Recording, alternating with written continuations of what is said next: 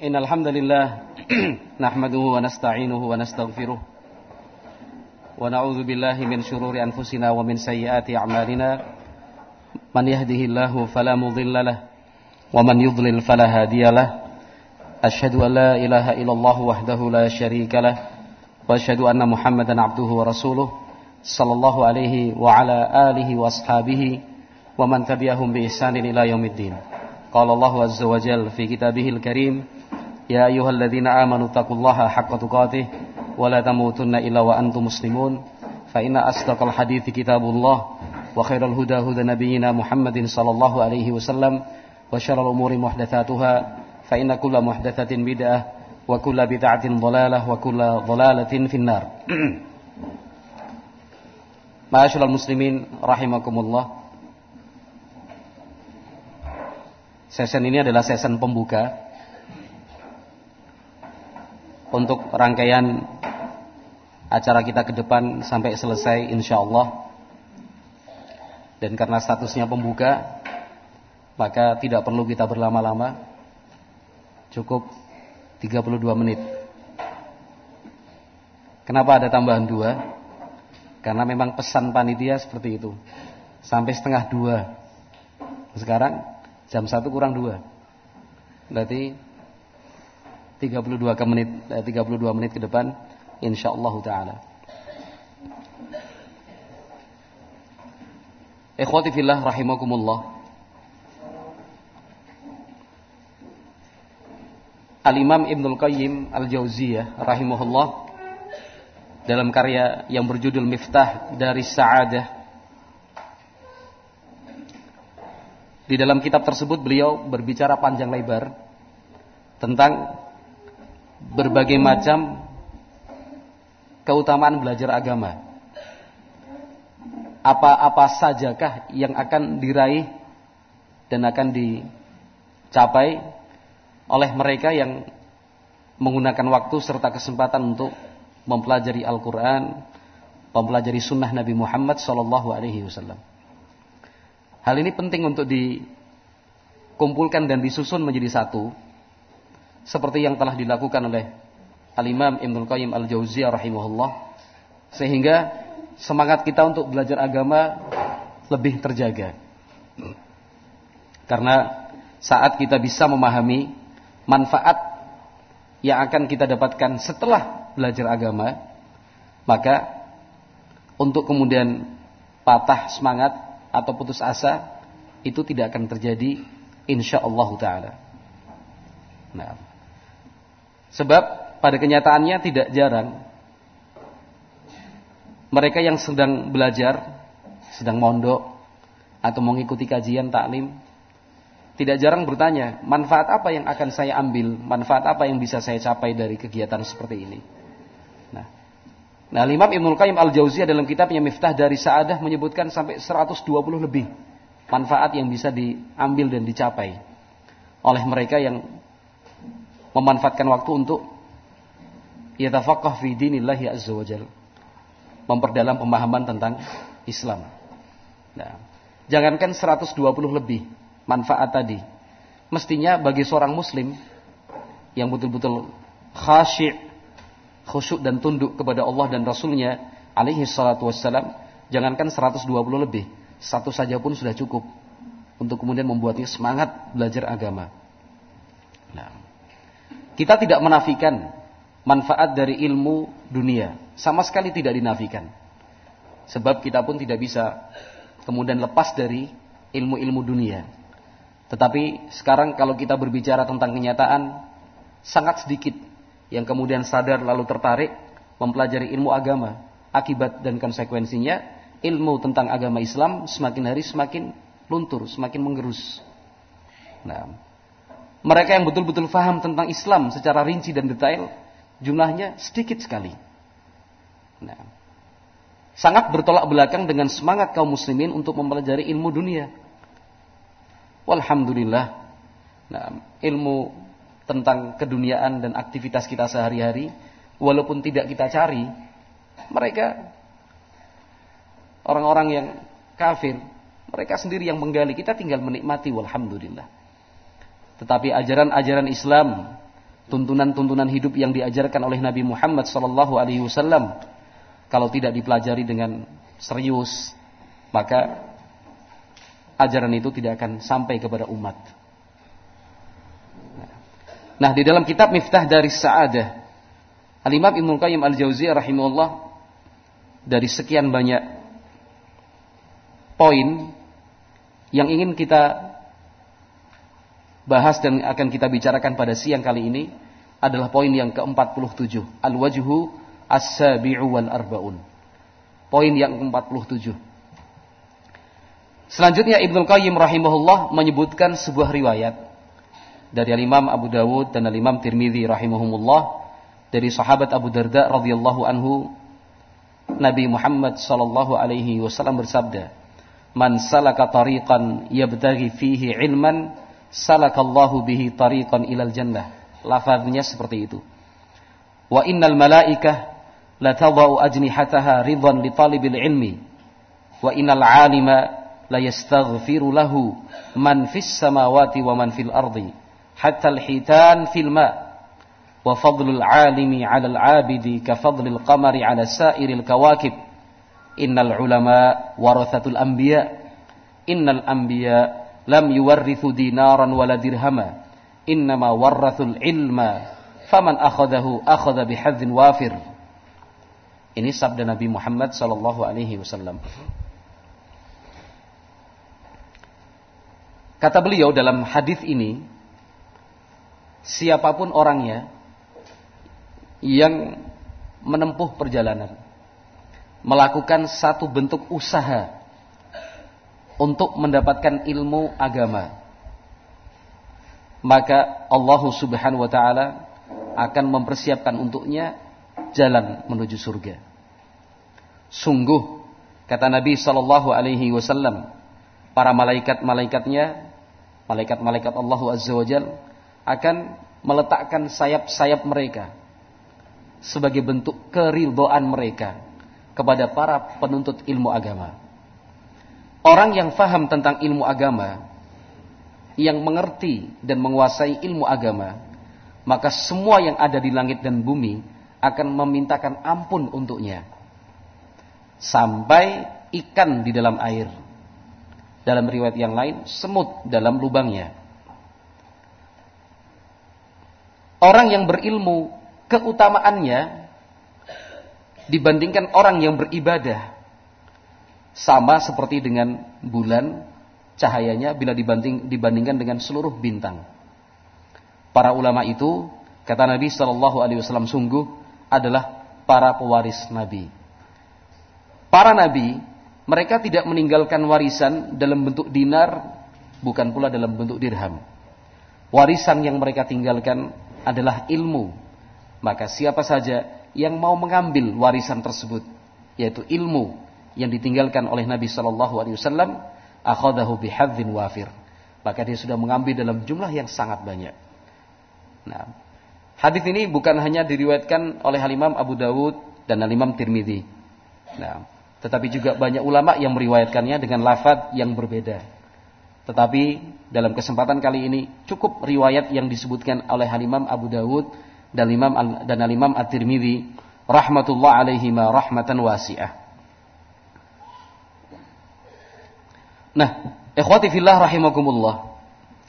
Nah, yang disampaikan oleh Nabi Shallallahu alaihi wasallam di sini, kalau misalkan ingin dibagi menjadi garis besar akan terbagi menjadi dua. Yang pertama, keutamaan dan derajat yang akan dicapai oleh mereka yang belajar ilmu agama. Yang kedua, Nabi Muhammad sallallahu alaihi wasallam menerangkan tentang keutamaan dan derajat yang akan dicapai oleh orang yang mengajarkan ilmu agama. Baik yang belajar maupun yang mengajarkan, masing-masingnya memiliki keutamaan. Nah, masing-masingnya memiliki keutamaan. Satu sama lain apakah dipisahkan? Tidak. Sebab satu dengan yang lain saling berkaitan. Orang yang belajar akhirnya berkewajiban untuk mengajarkan. Orang yang mengajarkan mau tidak mau sebelumnya harus belajar. Nah, maka semua keutamaan yang disebutkan oleh Nabi Muhammad sallallahu alaihi wasallam di sini mungkin sekali bisa dihimpun dan digabungkan oleh seorang hamba. Nah, pertama dia mau belajar. Dia mau belajar. Melakukan semua bentuk usaha. Nah, baik dengan berjalan, menggunakan kendaraan, duduk, berdiri, mendengar, mencatat. Semua usaha yang dia lakukan untuk mendapatkan ilmu adalah sebab Allah Subhanahu wa taala memudahkan untuknya menuju surga. Nah, karena jalan untuk menuju surga itu banyak. Nah, kemudian kalau dipikir-pikir dan ditimbang-timbang, tidak semuanya mudah. Jalan untuk menuju surga itu ternyata nah, tidak mudah. Nah, yang memudahkan kita ilmu. Bukan hanya satu jalan, tetapi semua jalan menuju surga akhirnya menjadi mudah. Dengan ilmu yang telah dipelajari dengan ilmu yang telah dia ketahui sebelumnya. Ikhwati fillah rahimakumullah. Selanjutnya Rasulullah sallallahu alaihi wasallam menyatakan wa innal malaika la tad'u ajnihataha ridwan li talibil ilmi. Sungguh kata Nabi sallallahu alaihi wasallam malaikat-malaikat itu akan meletakkan sayapnya untuk para penuntut ilmu sebagai bentuk keridhaan mereka. Nah, di dalam keterangan yang disebutkan para ulama, apa yang dimaksud dengan meletakkan sayapnya? Bisa saja yang dimaksud meletakkan sayapnya secara hakiki, betul-betul sayap mereka diletakkan. Tapi kita tidak melihat dan tidak menyaksikan. Nah, atau bisa jadi yang dimaksud meletakkan sayap mereka adalah menghormati, memuliakan, nah, mendoakan kepada mereka yang mau menuntut ilmu agama. Nah, dan kedua-duanya, kedua penafsiran ini tidak saling bertentangan. Yang jelas Nabi Muhammad SAW menerangkan bahwa para malaikat malaikat Allah pun menghormati, memuliakan mereka yang mau menuntut ilmu agama, talabul ilmi syar'i. Nah, betul-betul. Bahkan dalam sebuah riwayat yang juga disebutkan oleh Imam Ibnu Qayyim Al-Jauziyah rahimahullah dalam kitab yang sama, riwayat yang lain mengatakan Inna talibal ilmi la tahiffu bihil malaikah wa tudhilluhu bi ajnihatiha fayarkabu ba'dhum ba'dhan hatta tablugha as-samaa'a ad-dunya min hubbihim lima yatlub digambarkan oleh Nabi Shallallahu Alaihi Wasallam sungguh mereka yang menuntut ilmu agama malaikat-malaikat Allahu Azza wa Jal itu akan mengembangkan sayapnya kemudian menaungi. Nah, memberikan keteduhan untuk mereka. Fayarkabu ba'dhum ba'dha. Satu sama lain malaikat akan naik ke atas sampai langit dunia. Kenapa mereka lakukan ini? Lima min hubbihim lima yatlub. Karena mereka mencintai Nah, apa yang dicari oleh orang tersebut? Mencintai ilmu, Al-Quran dan Sunnah Nabi Muhammad Sallallahu Alaihi Wasallam. Ini terkait dengan keyakinan kita sebagai hamba yang mukmin harusnya percaya dan yakin bahwa sabda Nabi Muhammad Sallallahu Alaihi Wasallam benar. Tidak ada sedikit pun unsur kedustaan. Kita harus mempercayai tanpa ada sedikit pun keraguan. Ini termasuk beriman kepada hal-hal yang gaib. Nah, maka penuh keyakinan. Asalkan seorang hamba jujur, ikhlas, tulus niatnya adalah untuk mencari ridha dari Allah Subhanahu wa taala, menghadiri majelis-majelis taklim, memakmurkan halaqah-halaqah ilmu, maka malaikat-malaikat Allah akan turun menyaksikan, memuliakan serta merendahkan sayap-sayap mereka. Nah, ini keyakinan kita barakallahu fikum. Nah, maka alangkah beruntungnya seorang hamba yang kemudian dimuliakan dan dihormati oleh malaikat-malaikat Allah Subhanahu wa taala. Nah, jangan memiliki pemikiran seperti pemikiran Mu'tazilah. Nah, naudzubillah kaum Mu'tazilah adalah orang-orang yang mengukur dan menakar dengan akal. Kalau tidak masuk akal menurut mereka, tidak diterima. Kalau dinyatakan tidak logis, ditolak. Padahal kita yakin akal yang sehat dan masih dalam fitrahnya pasti bisa menerima ayat Al-Quran dan hadis Nabi Shallallahu Alaihi Wasallam yang sahih. Nah, kaum Mu'tazilah ini sudah ada sejak dulu. Mereka orang-orang yang menilai agama ajaran Nabi Shallallahu Alaihi Wasallam dengan akal. Oh ini nggak pas, ini pas, ini cocok, ini tidak cocok dengan akal. Dan cara berpikir seperti ini masih terus ada dan berkembang di tengah masyarakat kaum muslimin. Nah, terus berkembang. Terkait dengan hadis yang telah kita baca tadi bahwa malaikat-malaikat Allah akan meletakkan sayap-sayap mereka. Dulu di zaman para ulama seperti yang disebutkan oleh Imam Ibnu Qayyim Al-Jauziyah dalam kitab yang sama Ahmad bin Shu'aib rahimahullah pernah bercerita kunna inda ba'dil muhaddithin bil Basrah fahaddatsana bi haditsin nabi innal malaikah latadau ajnihataha li talibil ilmi وفي المجلس معنا رجل من المعتزلة فجعل يستهزئ بالحديث فقال والله لأترقن غدا نعلي بمسامير فأطأ بها fafa'ala wa masya fin na'lain fajaffat fajaffat rijlahu jami'an wa waqa'at fihimal akalah Al-Imam Ahmad bin Shu'aib rahimahullah bercerita dulu kami pernah menghadiri majlis seorang ahlul hadis di negeri Basrah. Beliau menyampaikan untuk kami yang hadir saat itu hadis Nabi Shallallahu Alaihi Wasallam tentang malaikat yang meletakkan sayapnya untuk para penuntut ilmu agama. Di antara yang hadir ada seseorang yang memiliki pemikiran Mu'tazilah dengan gayanya yang melecehkan dan menghina, melecehkan hadis Nabi Shallallahu Alaihi Wasallam Orang itu mengatakan demi Allah besok kedua terompahku, kedua sandal yang terbuat dari kayu akan aku pasangkan di bawahnya paku-paku tajam. Sandal dia ingin masang paku terbalik yang tajam di bawah. Apa tujuannya? Kata orang itu fa'aqa abiha ajnihatal malaikah saya ingin menginjak-injak sayap malaikat. Nah. Fafal. Ternyata itu bukan cuma omong kosong.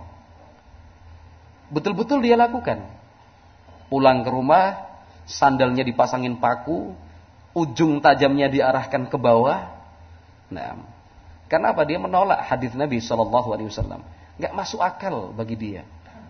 Nah, karena orang-orang Mu'tazilah berpikiran Segala sesuatu itu harus bisa dibuktikan dengan mata, dengan panca indera. Kalau nggak bisa dilihat, nggak bisa didengar, tidak bisa dibuktikan secara nyata, ya harus ditolak. Untuk apa? Nah, Allah akan memberikan akal untuk menentukan baik dan buruk. Memang betul. Tapi ingat, yang dimaksud akal ini adalah akal yang masih sehat, yang masih dalam fitrahnya. Akal yang sehat pasti bisa menerima ayat Al-Quran dan hadis Nabi Sallallahu Alaihi Wasallam. Maka keesokan harinya orang tadi menggunakan sandalnya dengan sombong. Nah, dengan gayanya menginjak-injakkan kakinya, tinta-tintakan di tanah. Nah, dan dia sampaikan kalau memang betul itu malaikat-malaikat Allah itu katanya meletakkan sayap akan aku injak-injak sayap malaikat. Di dalam riwayat ini disebutkan fajaffat rijlah jami'an Seketika itu juga kedua kakinya kaku, kering. Nah, seketika itu juga kedua kakinya lumpuh. Bahkan wawakaati wawakaat fihimal akalah. Kemudian apa? Ternyata dari kedua kakinya itu muncul belatung-belatung yang memakan habis dengan cepat tulang dan daging kedua kakinya. Bisa dibayangkan dua kaki begini, tiba-tiba saja kaku, kemudian ambruk. Kenapa? Muncul belatung. You know belatung Taufik? Belatung makan habis sampai selesai. Nah, tidak ada yang tersisa. Itu hukuman dari Allah Azza wa Jalla. bagi mereka yang mempertanyakan atau meragukan naungan malaikat Allah Azza wa Jalla. Naungan sayap-sayap malaikat Allah Subhanahu wa taala untuk mereka yang semangat ngaji. Untuk mereka yang tulus dan ikhlas untuk berangkat berangkat ngaji, memakmurkan majelis-majelis ta'lim. Nah, kejadian itu barakallahu fikum seperti ini ternyata tidak hanya sekali. Nah, Al-Imam At-Tabrani seperti yang disebutkan oleh Imam Ibnul Qayyim Al-Jauziyah rahimahullah masih dalam kitab yang sama juga menceritakan hal ini. Nah, ceritanya berbeda tapi kurang lebih sama. Kata Zakaria ibnu Yahya As-Saji, kita singkat saja dengan As-Saji, kunna namshi fi ba'dhi aziqqatil Basrah ila babi ba'dil muhaddithin. Fa asra'na al-mashya wa kana ma'ana rajulun majinun minhum fi dinih. Faqala irfa'u arjulakum an ajnihatil malaikah la tukassiruha kal mustahzi. Nah. Al-Imam As-Saji rahimahullah bercerita dulu kami sedang apa namanya sedang berjalan bareng-bareng bersama-sama di lorong kota Basrah untuk menemui seorang ahlul hadis di rumahnya. Jalan kami waktu itu cepat mengejar waktu. Semangat mereka untuk tidak terlambat menghadiri majelis ta'lim tentunya. Nah, nah di antara rombongan ada orang yang agamanya secara faktor agama itu kurang dengan nada yang mengejek, nada bercanda. Nah, orang itu mengatakan, "Eh, kakinya diangkat, jangan sampai mal sayap malaikat terinjak." Angkat kaki kalian, ayo, ayo angkat, angkat, angkat. Nah, hindari, awas. Jangan sampai menginjak sayap malaikat. Dia ucapkan itu dengan nada mengejek. Nah, fama zalamin min Saat dia ucapkan kata-kata itu, langsung tiba-tiba berhenti dia. Set, nggak bisa melangkah. Nah, hatta jaffat rijlah wasaqat sampai kemudian kedua kakinya lumpuh kemudian dia jatuh. Nah, ini cerita yang disebutkan oleh para ulama kita bahwa sabda Nabi Shallallahu Alaihi Wasallam itu benar, jangan main-main, jangan dianggap ketika mendengar hadis tadi malaikat-malaikat Allah meletakkan sayapnya untuk mereka yang menuntut ilmu agama itu sebagai satu cerita yang dibuat-buat sebuah legenda kisah rakyat. Bukan ini sabda Nabi sallallahu alaihi wasallam. Hadisnya sahih. Nah para malaikat malaikat Allah Subhanahu wa taala meletakkan sayapnya memberikan naungan tempat teduh kepada para penuntut ilmu agama nah mereka yang menghadiri majlis taklim semangat untuk ngaji semangat mempelajari Al-Quran dan Sunnah Nabi Sallallahu Alaihi Wasallam, Nabi sendiri sudah menyebutkan.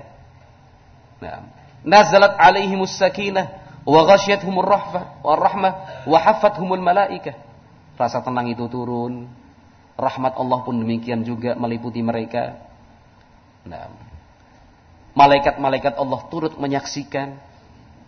Nah, jangan dikira, jangan disangka Ma'asyiral muslimin rahimakumullah bahwa malaikat-malaikat Allah Azza wa Jal diam tidak berucap apa-apa saat melihat manusia semangat untuk belajar ilmu agama. Jangan.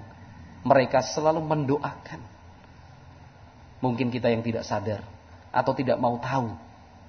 Padahal malaikat-malaikat Allah Subhanahu wa taala senantiasa mendoakan kebaikan untuk orang-orang yang beriman, terkhusus mereka yang mau belajar ilmu agama. Allah Subhanahu wa taala berfirman dalam Al-Qur'an, "Alladzina yahmiluna al-arsya." Ayat ini disebutkan juga oleh Imam Ibnu Qayyim Al-Jauziyah.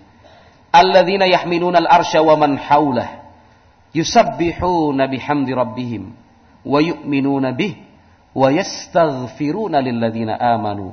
Rabbana wasi'ta kulla syai'in rahmatan wa ilma faghfir lilladzina tabu wattaba'u sabilaka wa qihim adzabal jahim rabbana wa adkhilhum jannatin adnin allati wa'adtahum wa man salaha min abaihim wa azwajihim wa dhurriyyatihim innaka antal azizul hakim wa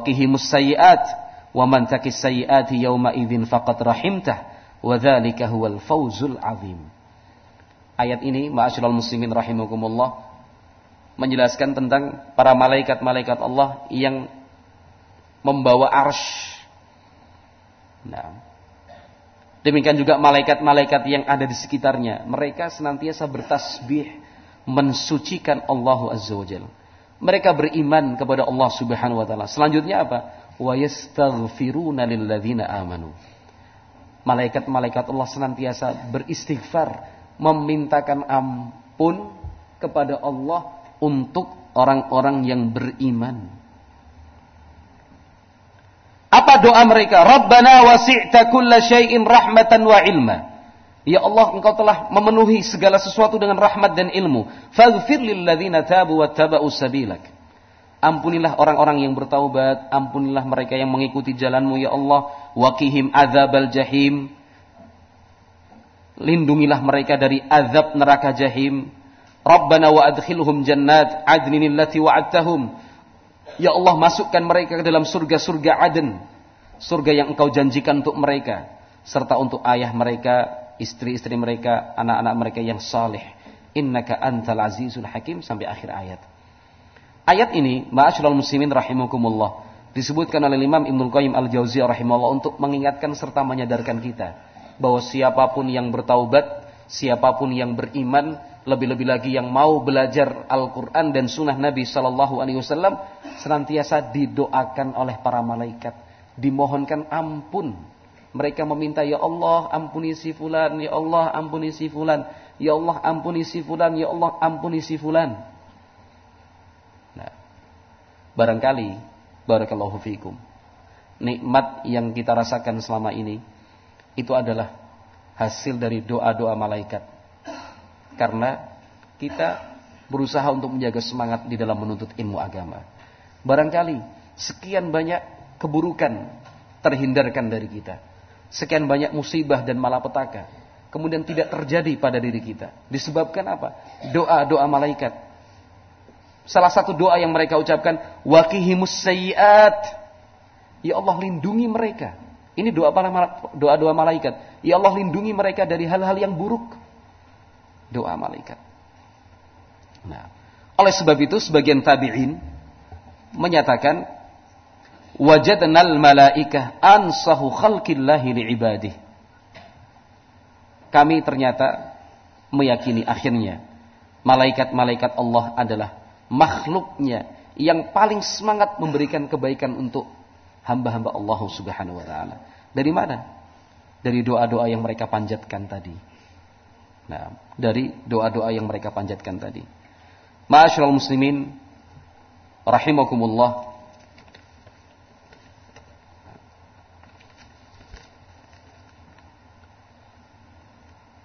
Di dalam beberapa kitab sunan dan musnad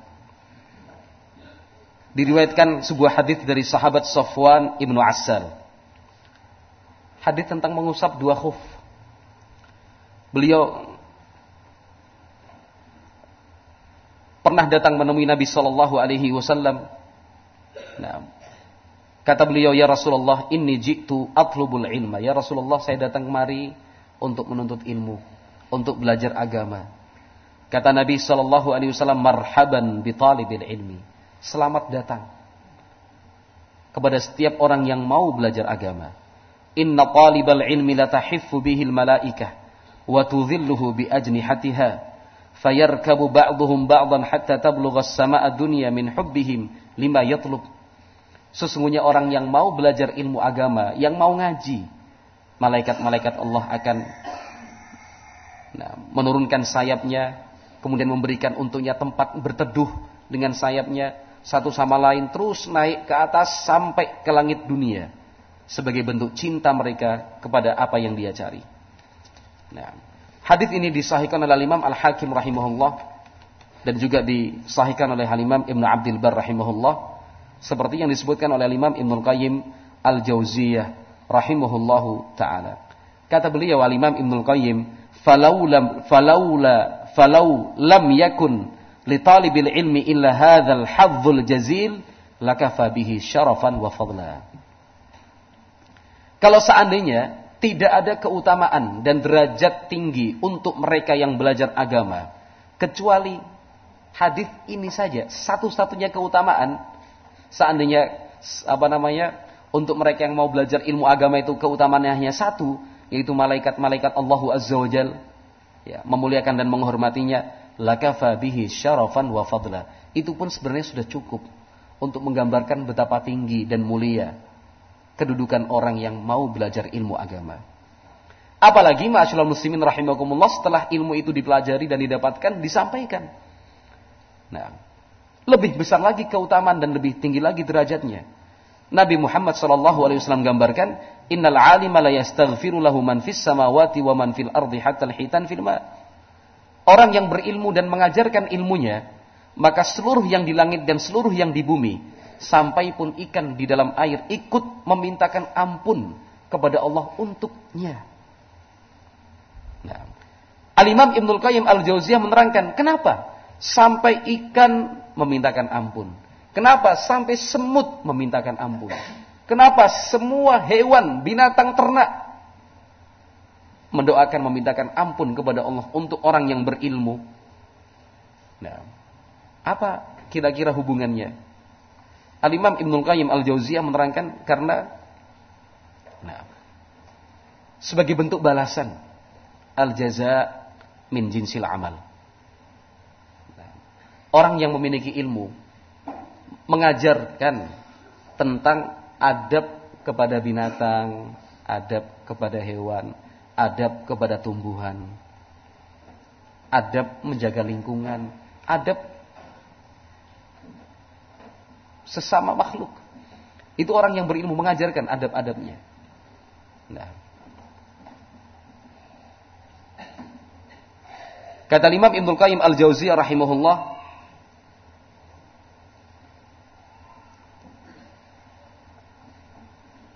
Innal alima yu'allimul khalqa mura'ata hadhihi al-hayawanat wa yu'arrifuhum ma yahillu minha wa ma yahrum wa yu'arrifuhum kayfiyata tanawuliha wa istikhdamiha wa rukubiha wal intifa'i biha wa kayfiyati dhabhiha ala ahsanil wujuh wa arfakiha bil hayawan. Orang yang berilmu itu para ulama mengajarkan tentang cara untuk merawat binatang, menjelaskan yang halal dan yang haram, menjelaskan cara untuk merawatkan untuk merawatnya, cara menggunakannya, cara menaikinya, cara memanfaatkannya, bahkan cara menyembelihnya pun dengan cara yang terbaik itu diajarkan oleh para ulama. Nah, oleh sebab itu mereka pun ikut mendoakan. Sekarang sebagai contoh semut. Di dalam beberapa riwayat disebutkan bahwasanya semut itu ikut memintakan ampun kepada Allah, memohonkan maghfirah untuk orang yang berilmu. Kenapa? Karena orang yang berilmu mengajarkan kepada umat manusia bahwa semut itu tidak boleh dibunuh. Nah, semut tidak boleh dibunuh kecuali kalau betul-betul semut itu mengganggu. Itu pun misalkan harus menghilangkan semut tidak boleh dengan cara dibakar. Nah, ini kan bentuk perhatian dari orang yang berilmu. Orang yang berilmu akan menyampaikan kepada umat bahwa dulu ada seorang nabi nah, membakar sarang semut yang penuh dengan semut. Nah, hanya kenapa? Hanya karena ada seekor semut yang menggigitnya. Ditegur oleh Allah Azza wa Jal. namlah. Apa hanya karena satu ekor semut kemudian semua semut itu kemudian di di apa dimatikan, dihabiskan? Nah, diajarkan ternyata kita tidak boleh membalimi semut. Nah, tidak boleh membalimi orang lain, tidak boleh membalimi hewan dan binatang. Tidak boleh membalimi ikan. Nah, karena orang yang berilmu mengajarkan hal-hal yang seperti ini, maka mereka-mereka pun membalasnya dengan apa? Dengan cara yastaghfiru lil alim. Mereka memintakan ampun kepada Allah, ya Allah, ampunilah si fulan orang yang berilmu tersebut. Nah, Ikhwati fillah yang mudah-mudahan dirahmati dan diberkahi oleh Allah Azza wa Jal. Ini adalah salah satu keyakinan kita. Nah, yakinlah selalu bahwa saat kita tuluskan niat, ikhlaskan tujuan kita untuk menghadiri majelis taklim, mengharap ridha dari Allah Subhanahu wa taala, maka perjalanan kita dari rumah sampai di majelis ilmu. Di majelis ilmu, dari majelis ilmu sampai ke rumah kembali, sampai tempat kita memulai perjalanan untuk ngaji malaikat-malaikat Allah senantiasa mengikuti, senantiasa menaungi dengan sayap-sayap mereka. Nah, sebagai bentuk cinta dan ridha mereka kepada apa yang kita cari. Nah, mudah-mudahan Allah Subhanahu wa taala senantiasa nah, menjadikan kita orang-orang yang terpilih sehingga selalu mendapatkan naungan sayap malaikat-malaikatnya dan senantiasa didoakan oleh malaikat-malaikatnya karena malaikat-malaikat Allah ketika berdoa maka mustajab insyaallah karena mereka adalah makhluk. Nah, la ya'sunallaha ma amarahum wa yaf'aluna ma yu'marun. Karena malaikat-malaikat Allah adalah makhluk yang senantiasa melaksanakan perintah Allah dan tidak pernah sama sekali bermaksiat dan durhaka kepadanya. Wallahu alam bisawab. Ini adalah sesi pembuka yang akan kita lanjutkan insyaallah pada kesempatan pada asar nanti. Subhanakallahumma wa bihamdik asyhadu an la ilaha illa anta astaghfiruka wa atubu ilaik. Wassalamualaikum warahmatullahi wabarakatuh. Bismillahirrahmanirrahim. الحمد لله حمدا كثيرا طيبا مباركا فيه كما يحب ربنا ويرضاه والصلاة والسلام على نبينا محمد وعلى آله وصحبه وسلم. قال الله عز وجل في كتابه الكريم يا أيها الذين آمنوا اتقوا الله حق تقاته ولا تموتن إلا وأنتم مسلمون فإن أصدق الحديث كتاب الله وخير الهدى هدى نبينا محمد صلى الله عليه وسلم. وشر الأمور محدثاتها فإن كل محدثة بدعة وكل بدعة ضلالة وكل ضلالة في النار إخوتي في الله رحمكم الله ada beberapa keterangan yang pernah disampaikan oleh Nabi Muhammad sallallahu alaihi wasallam tentang mereka yang menghabiskan waktu mempergunakan kesempatan untuk mempelajari agama Islam.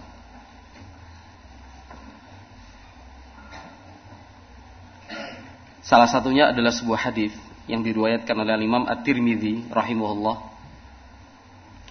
Di dalam riwayat tersebut dinyatakan sabda Nabi sallallahu alaihi wasallam man kharaja fi talabil ilmi fahuwa fi sabilillahi hatta yarji. Siapa saja yang berangkat meninggalkan rumah dengan tujuan untuk menuntut ilmu agama, maka statusnya fi sabilillah hatta yarji sampai dia pulang kembali ke rumahnya. Hadis ini juga semakin diperkuat dan ditegaskan dengan hadis-hadis yang lain menunjukkan bahwa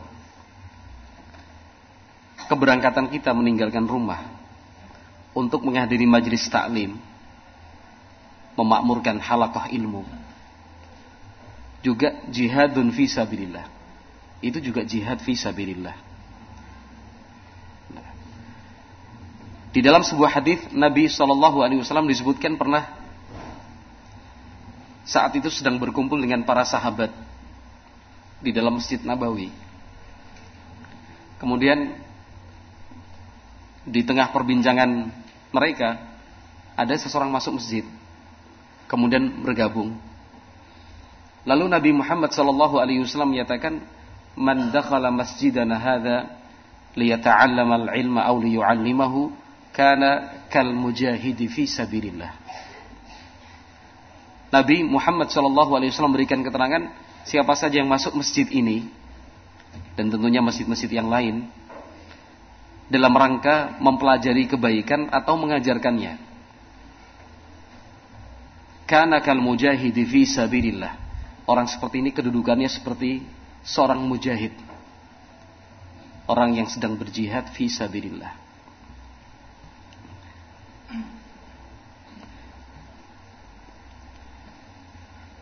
Oleh sebab itu, jihad di dalam Islam tidaklah sesempit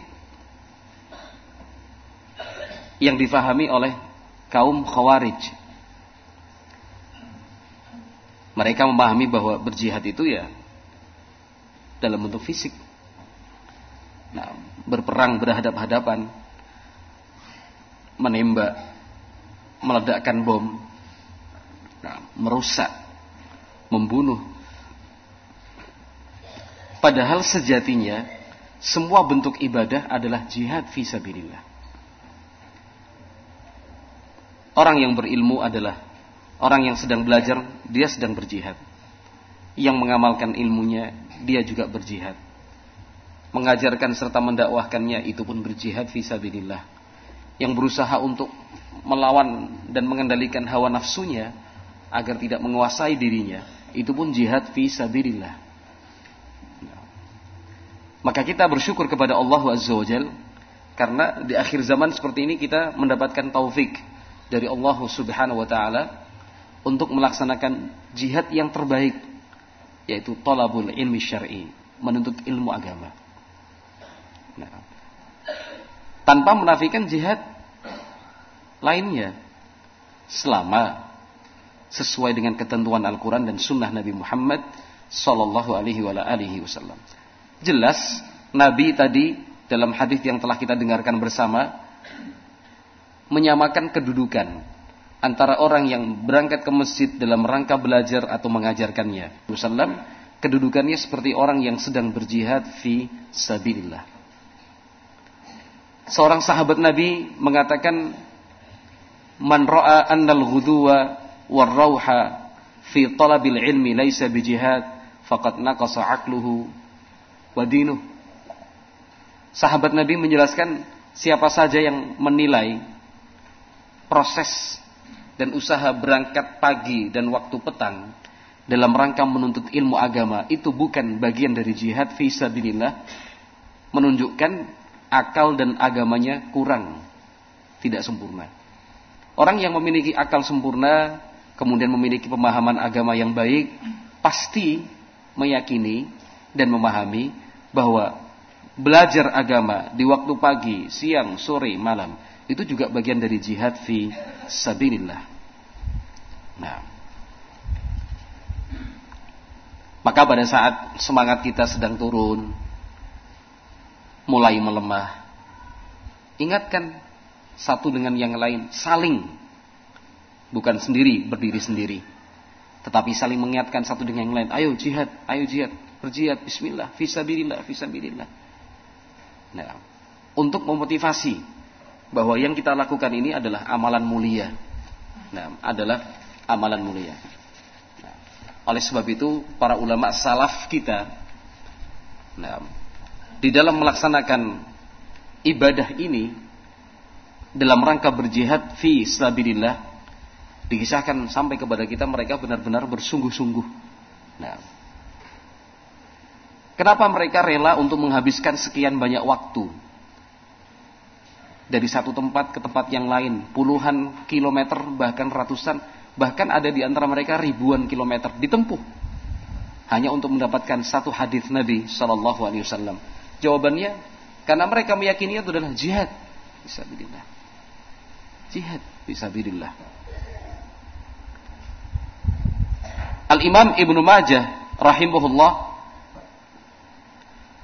menyebutkan sebuah riwayat dari seorang tabi'in bernama Kathir bin Qais. Kathir bercerita, "Kuntu jalisan 'inda Abi Darda fi masjidi Dimashq. Fa'atahu rajulun faqala ya Aba Darda, ataituka min madinati Rasulillah sallallahu alaihi wasallam li hadithin balagani annaka tuhaddithu bihi 'anin Nabi sallallahu alaihi wasallam." Saat itu Abu Darda, salah seorang sahabat Nabi, sedang berada di masjid Damaskus. Nah, berkumpul dengan murid-muridnya. Nah, di tengah perbincangan ada orang datang. Dia berterus terang menyampaikan, "Wahai Abu Darda, saya sengaja datang menemui Anda. Saya berasal dari kota Madinah. Tujuannya karena saya mendengar Anda mempunyai satu hadis dari Rasulullah sallallahu alaihi wasallam. Abu Darda ingin mempertegas tujuan dan maksud kedatangannya. Kata Abu Darda, "Fama bika tijarah?" Betul, kamu datang bukan dalam rangka berdagang, bukan untuk jual beli. Tidak untuk usaha. Betul-betul serius? Hanya untuk mendapatkan hadis dari Nabi Shallallahu alaihi wasallam yang pernah saya dengar? Qala la. Orang itu juga mengatakan, enggak, tidak ada tujuan lain. Saya datang menemui Anda itu hanya untuk mencari hadis Nabi Shallallahu Alaihi Wasallam. Dikejar lagi oleh sahabat Abu Darda. Wala ja'a bika ghairuh. Nggak ada tujuan lain. Nah. Orang itu kembali mengatakan, La, tidak ada wahai Abu Darda. Qala fa inni sami'tu Rasulullah sallallahu alaihi wasallam yaqul. Kata sahabat Abu Darda, tadi saya tanya macam-macam ini ini ini itu dan yang lainnya karena saya hanya ingin menyampaikan sebuah hadis yang pernah saya dengar dari Nabi Muhammad sallallahu alaihi wasallam, "Man salaka tariqan yaltamisu fi yaltamisu bihi ilman, sahhalallahu lahu tariqan 'alal jannah." Ini lafaz di dalam riwayat Al-Imam Ibnu Majah. Kata sahabat Abu Darda, sungguh saya pernah mendengar Nabi Muhammad Shallallahu Alaihi Wasallam bersabda, barang siapa menempuh satu perjalanan dalam rangka untuk mendapatkan ilmu, Allah akan mudahkan untuknya jalan menuju surga. Nah, ini contoh dari ulama salaf. Demi satu jawaban untuk sebuah pertanyaan perjalanan panjang dihabiskan dari kota Madinah sampai Damaskus. Kalau sekarang Suria, dari kota Madinah sampai Suria itu ribuan kilometer. Nah, perjalanan menghabiskan puluhan hari. Tujuannya hanya untuk mendengar secara langsung sebuah hadis yang pernah didengar oleh sahabat Abu Darda dari Rasulullah sallallahu alaihi wasallam. Nah. Uqbah Ibn al-Harith juga demi untuk mencari satu jawaban rela berangkat dari Mekah menuju Madinah. Seorang sahabat Nabi dari Mekah menuju Madinah hanya untuk mendapatkan satu jawaban. Nah, disebutkan di dalam hadis yang diriwayatkan oleh Imam Al Bukhari rahimahullah bahwa sahabat Uqbah menikahi putri Abu Ihab bin Aziz. Saya ulangi kembali, sahabat Uqbah menikahi seorang wanita, putri dari Abu Ihab ibnu Aziz. Setelah menikah, fa'atat humra'ah. Sudah menikah resmi. Nah, ada seorang wanita tua datang menemui sepasang suami istri ini menyampaikan inni ardha'tu ukbata wallati tazawwaj. Wanita tua yang datang ini mengaku dulu saya pernah menyusui si Uqbah juga menyusui istrinya. Faqala laha Uqbah ma a'lamu annaki ardha'tini wala akhbartini. Nah Kata Uqbah, itu alasan dan uzur beliau, saya tidak pernah tahu kalau ternyata Anda, wahai ibu, nah, pernah menyusui saya dan kamu juga tidak cerita kepada saya dari dulu. Nah, ini kan masalah sekarang. Ternyata istrinya adalah saudara seper susuan. Uqbah disusui oleh wanita tua tadi. Si wanita tua juga tadi mengaku bahwa istrinya pun pernah di susui olehnya. Farakiba ila Rasulillah sallallahu alaihi wasallam bil Madinah fasa'alah. Akhirnya Uqbah berangkat dari Mekah menuju Madinah. Nah, hampir seribu kilometer kalau jarak perjalanan zaman dulu. Untuk menanyakan kasus yang sedang dihadapi. Kata Nabi sallallahu alaihi wasallam, "Kaifa waqad kin?" Kata Nabi sallallahu alaihi wasallam, "Terus apa yang bisa kita perbuat?" Oh, sudah ada yang mengaku seperti itu. Fafaraqaha Uqbah wa nakahat zaujan ghairah. Nah, akhirnya Uqbah Ibnul Harith langsung menceraikan istrinya, kemudian istri tadi menikah dengan laki-laki yang lain. Nah, ini contoh kedua, ikhwati fillah barakallahu fikum, semangat ulama salaf kita di dalam menuntut ilmu, mencari jawaban, menemukan kebenaran, perjalanan panjang memang berlika-liku. Nah, membutuhkan waktu itu pasti ya.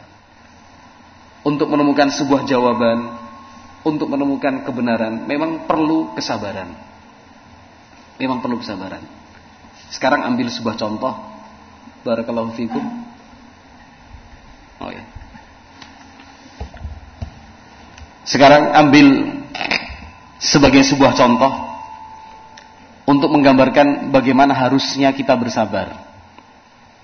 Ada di antara kita malah nah, entah itu masalah keluarga, tentang anaknya, nah, masalah terkait dengan usaha yang dia jalani, masalah terkait dengan hidup bermasyarakat. Nah, yang jelas dia punya masalah. Nah, dia mencoba untuk menemui seorang ustadz. Nah, ditemui ternyata sedang tidak berada di rumah, keluar kota. Nah, dihubungi tidak diangkat. Kirim SMS tidak dijawab.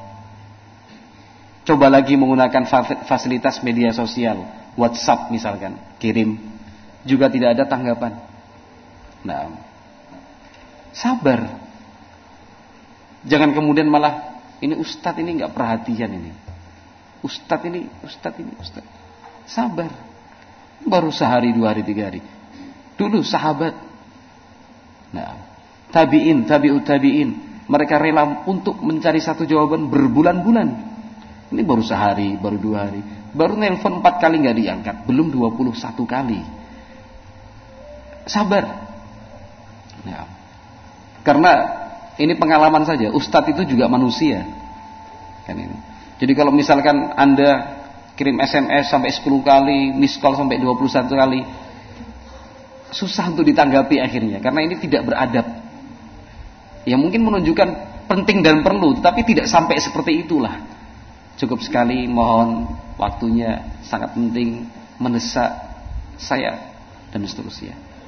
Barakallahu fikum. Ini satu faedah yang harus di, diingat selalu.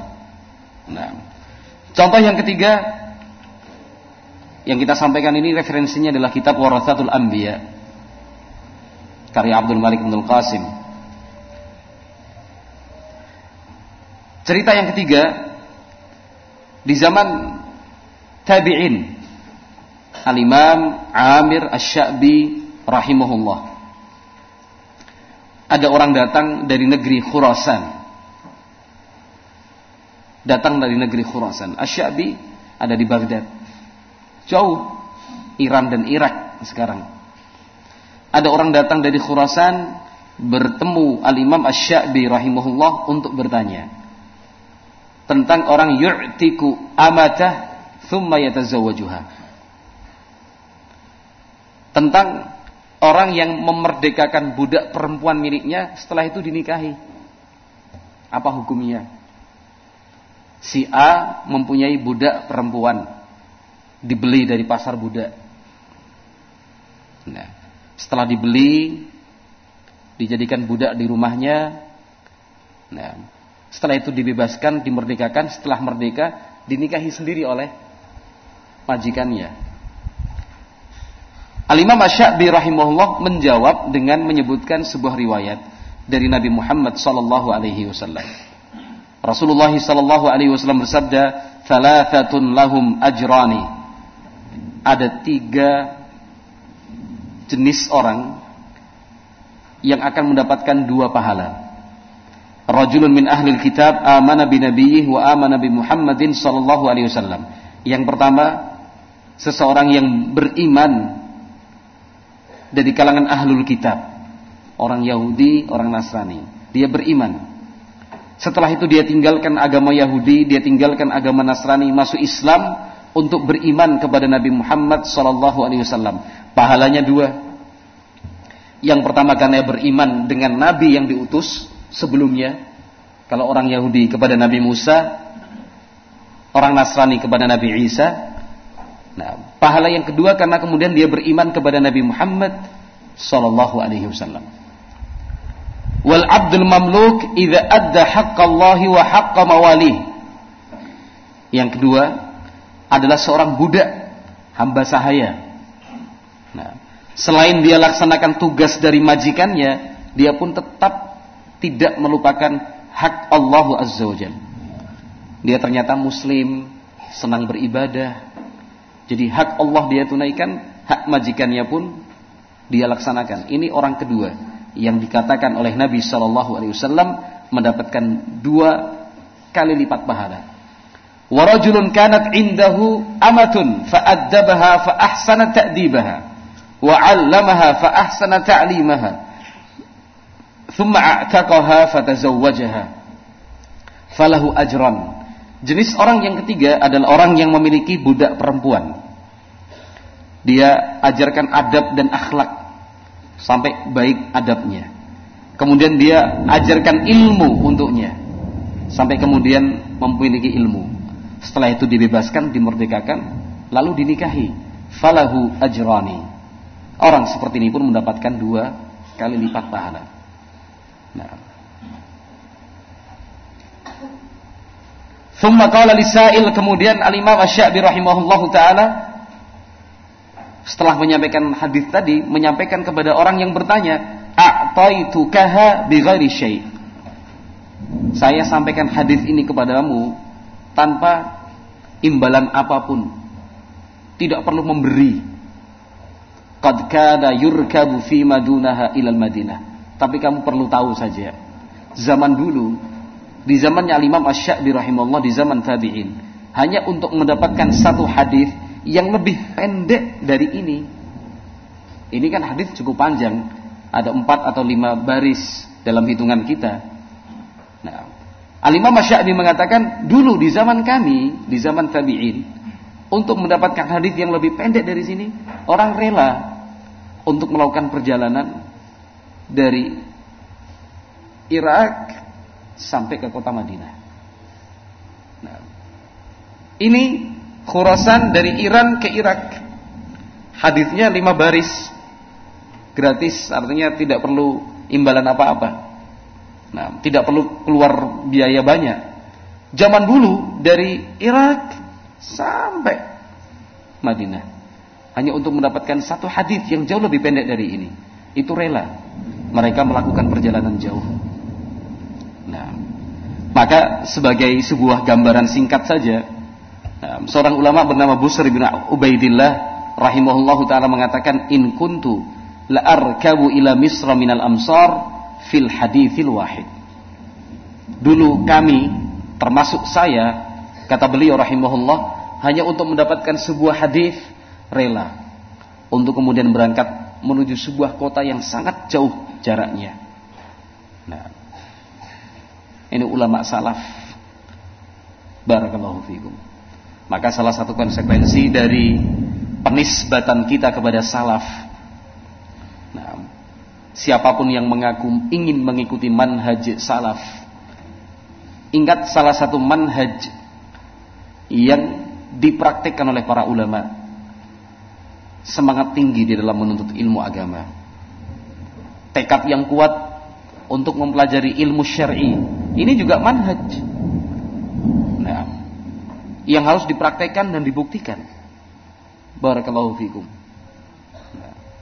Walhamdulillah teknologi yang Allah mudahkan itu bukan kemudian dijadikan alasan tidak mencontoh dan tidak menerima tidak meniru ulama salaf dalam hal rihlah fi talabil ilmi mengadakan perjalanan jauh untuk mendapatkan ilmu.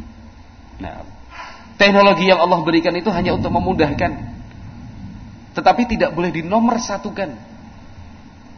Nah, Cukup di bawahnya nomor 2, nomor 3, nomor 4, nomor 5.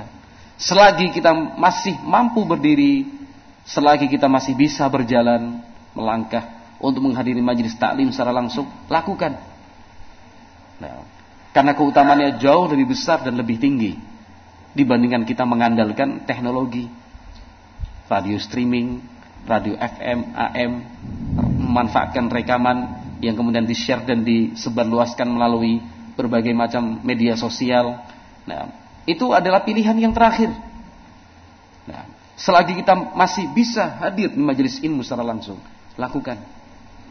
Nah, karena sekian banyak keutamaan menuntut ilmu yang disampaikan oleh Nabi Muhammad SAW itu terkait dengan majelis bersama-sama, berkumpul, bareng-bareng, belajar. Nah, seorang tabiin bernama Abul Aliyah mengatakan, kunna nasma'ul haditha 'anis sahabah fala nardha hatta narkaba ilaihim fanasma'ahu minhum. Kata Abul Aliyah dulu, kami kalau mendengar ada satu hadis diriwayatkan seorang sahabat tidak rela sampai kami betul-betul langsung menemui sahabat yang dimaksud untuk mendengarnya secara langsung. Nah, semangat dari ulama tabi'in rahimahumullah. Nah, jadi bukan mengandalkan katanya, katanya, katanya, katanya. Nah, walaupun di zaman itu riwayat masih sahihah karena sahabat tabi'in, tabi'ut tabi'in. Nah, tetapi ternyata mereka tidak rela kalau hanya sekedar katanya, katanya, katanya. Kalau bisa menemukan sumber langsung riwayat yang mereka dengar, itu akan ditempuh apa pun caranya. Nah, nah ikhwati yang dimuliakan dan dirahmati Allah Azza wa Jal. Nah, yang seperti ini kan bukan hanya untuk didengar, bukan sebatas dinikmati sebagai sebuah kisah yang ternyata sangat luar biasa seperti ini. Tetapi setiap kali kita mendengar cerita, membaca kisah yang demikian, kita harus bisa merasa bahwa ada konsekuensi, sebuah tuntutan yang tidak bisa kita abaikan begitu saja. Tuntutannya apa? seberapa besar semangat kita untuk meniru dan meneladani para ulama kita rahimahumullah ya. sebagai contoh barakallahu fikum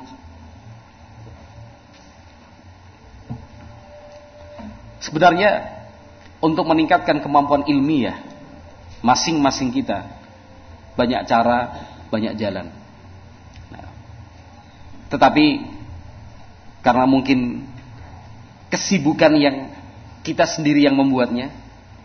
Bukan kesibukan yang mengikat kita, tapi kita mengikatkan diri dengan kesibukan. Barangkali kita sendiri yang berusaha mencari-cari aktivitas. Padahal aktivitas lain yang lebih longgar masih memungkinkan.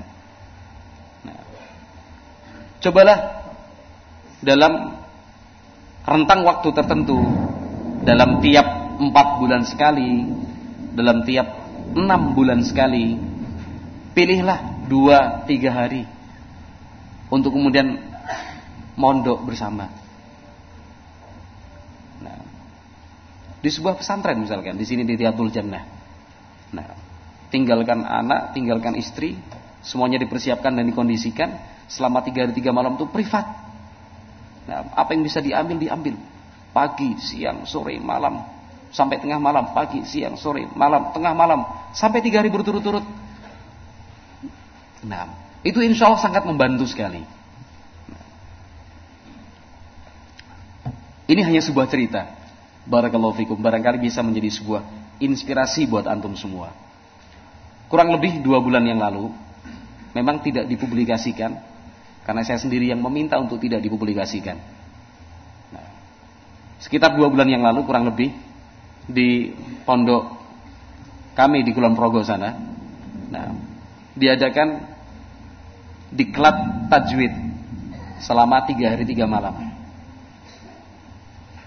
Selama tiga hari tiga malam. Ya sistem pondok itu. Walaupun rumahnya cuma di samping pondok nggak boleh pulang. Pulang coret. Pulang coret. Monggo bisa ditiru. Mudah-mudahan jadi inspirasi di sini Abu Helmi. Kan itu tiga hari tiga malam. Saya masih ingat dari Senin jam 9 malam itu bubarnya Kamis malam Jumat jam 9 juga. Diakhiri dengan urunan beli kambing, potong bareng-bareng tiga hari tiga malam. Pesertanya 38 orang. 38 orang itu ya semuanya sudah berkeluarga kecuali dua tiga orang saja. Dan semuanya bekerja, ada yang jadi perawat di rumah sakit umum daerah, cuti tiga hari tiga malam ada yang jualan sate ayam, cuti tiga hari tiga malam, warung-warung dia sendiri. Ada yang di apa bagian nebas. Apa namanya ya, beli padi-padi petani libur tiga hari tiga malam, tukang cukur libur tiga hari tiga malam, pegawai-pegawai di beberapa perusahaan libur tiga hari tiga malam, kan ini libur. Nah, 38 orang. Nah, dari hari pertama sampai hari yang terakhir kitab Aisar karya Al-Ustaz Abu Hamid Fauzi, Ustaz Fauzi, Hafidhullah Ta'ala, selesai dari halaman 1 sampai halaman yang terakhir. Empat jilid, selesai. Nah, dengan hasil yang cukup memuaskan, Alhamdulillah. Dan sampai sekarang ada follow up-nya. Tiap Selasa, mereka peserta itu kumpul. Untuk kemudian nyari ustadz siapa yang berkenan untuk kemudian mendengarkan bacaan Al-Quran mereka. Kitab Aisyah itu selesai. Nah, tapi syaratnya itu nggak boleh pulang selama tiga hari tiga malam. Ada peserta bahkan sengaja nggak bawa HP, biar nggak komunikasi dengan istri dan anaknya. Sus, pokoknya berangkat. 38 orang. Selesai. Dari ada satu dua orang yang sama sekali tidak bisa. Panjang pendek nggak ngerti makhraj. Bisa. Nah, selesai kitab Aisyar itu. Empat jilid selesai. Tapi ya saya dibantu oleh tim kadang lima orang kadang enam orang kadang tujuh orang. Nanti dibuat satu dua tiga empat tujuh meja. Kan itu. Saya bagi sana lima lima lima lima. Ini baca satu halaman kalau udah selesai pindah ngantri di rombongan ini. Sini selesai. Begitu paham gak maksudnya? Sana selesai maju pindah ke sini. Sampai kira-kira satu jam dua jam. Jadi satu orang bisa lima halaman dengan lima guru yang berbeda. Nanti baru quality kontrolnya saya. Kuisinya itu ya quality kontrolnya saya nanti pas ujian tiap mudzakarah maju satu-satu ya, emang membutuhkan waktu sampai gini-gini kakinya digoyang-goyang gini 38 orang disipak dua halaman tiga halaman gimana tuh nah, tapi Bismillah talabul ilmi syar'i kan itu talabul ilmi syar'i bisa dibayangkan luar biasa. Sampai sekarang mereka para peserta itu merindukan kegiatan itu. Kenapa? Untuk makan kita catering ke tetangga. Selama tiga hari tiga malam itu urunannya berapa? 50 ribu satu orang. 50 ribu itu dapat makan pagi, siang, malam. Nah, uang dikumpulkan, dibagikan, dikateringkan ke tetangga untuk pendekatan kepada masyarakat. Ibu A, Ibu B, Ibu C. Bu, tolong dimasakkan untuk 40 orang Oh iya, ini uangnya ini ya dibungkus ya. Tetangga juga senang, orang awam dapat keuntungan dari tiap bungkusnya berapa ribu, ribu, ribu misalkan, kan itu. Kita yang di pondok sudah nggak usah mikir makan minum. Nanti ada yang tim dapur menyiapkan apa? Uh, ini air minum ini pemanas dan pendingin itu dispenser ada disiapkan apa namanya kompor dengan gasnya jadi yang mau buat teh, mau buat kopi, mau buat apa jahe sudah disiapkan ini urunan semua. Barakallahu fikum. Dari jam 3 malam sudah mulai ngantri. Karena kamar mandinya cuma dua, akhirnya panitia menyiapkan tambahan lagi dua kamar mandi darurat. Pakai bambu tutupin dengan karung apa karung beras itu.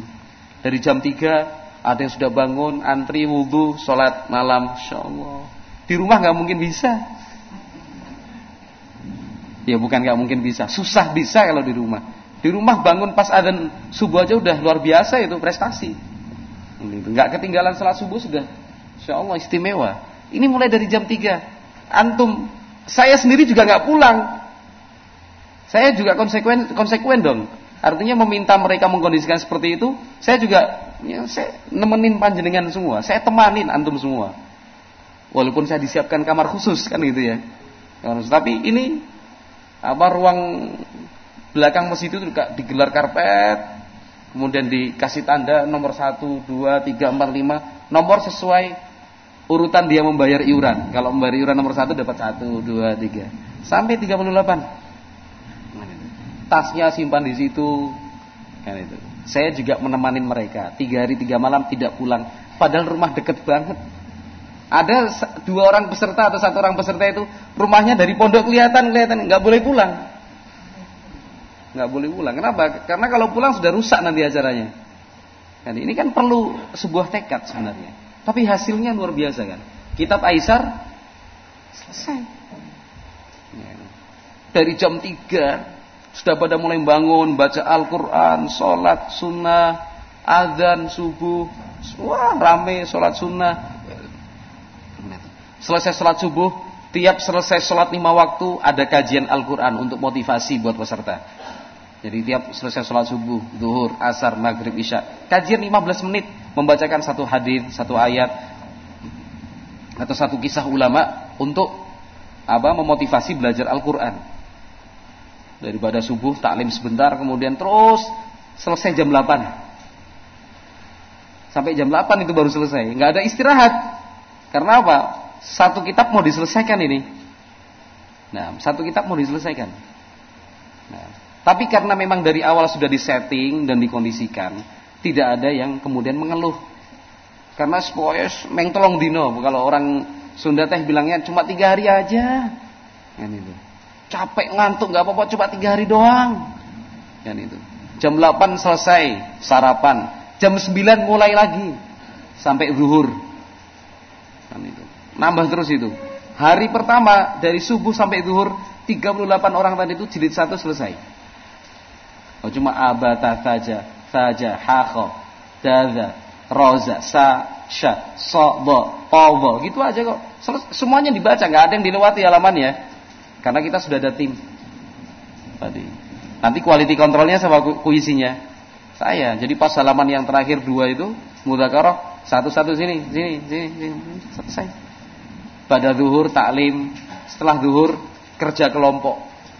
Dibuat kerja kelompok ini tugas kelompoknya ini, ini, ini, ini ngulang, ini, ini, ini, ini. Kalau sudah selesai sampai jam 2 istirahat. Pada asar sampai maghrib baca lagi, ngantri itu. Dan kita stylenya style enjoy.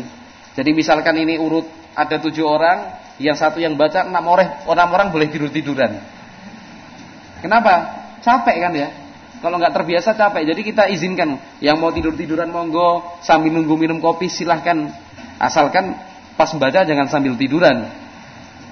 Tapi yang giliran maju duduk, yang lainnya tidur tiduran ngobrol silahkan nggak ada masalah. Nah, itu sampai maghrib. Pada maghrib lanjut lagi. Pada isya kerja kelompok lagi, dikasih tugas. Kemudian nanti mereka merojaah sampai jam 11 malam. Dari jam 11 istirahat, ternyata juga prakteknya nggak pada istirahat, ngobrol. Eh, kesempatan ketemu sama teman-temannya. Sana dari ujung Kulon Progo bagian utara, ini bagian selatan, ini bagian barat, ini ada orang dari Sleman juga ikut. Nah, nanti mulai jam 3 bangun lagi. Itu selama 3 hari 3 malam. Selesai saya buatkan sertifikat. Nah, jadi hari ketiga Kamis zuhur empat jilid selesai. Empat jilid selesai. Akhirnya pada zuhur kita renang bareng-bareng. Ya, untuk menambah keakraban renang bareng-bareng. Orang-orang tua ada simba-simba itu ikut-ikutan main bola air gini. Wow, rame. Kan itu.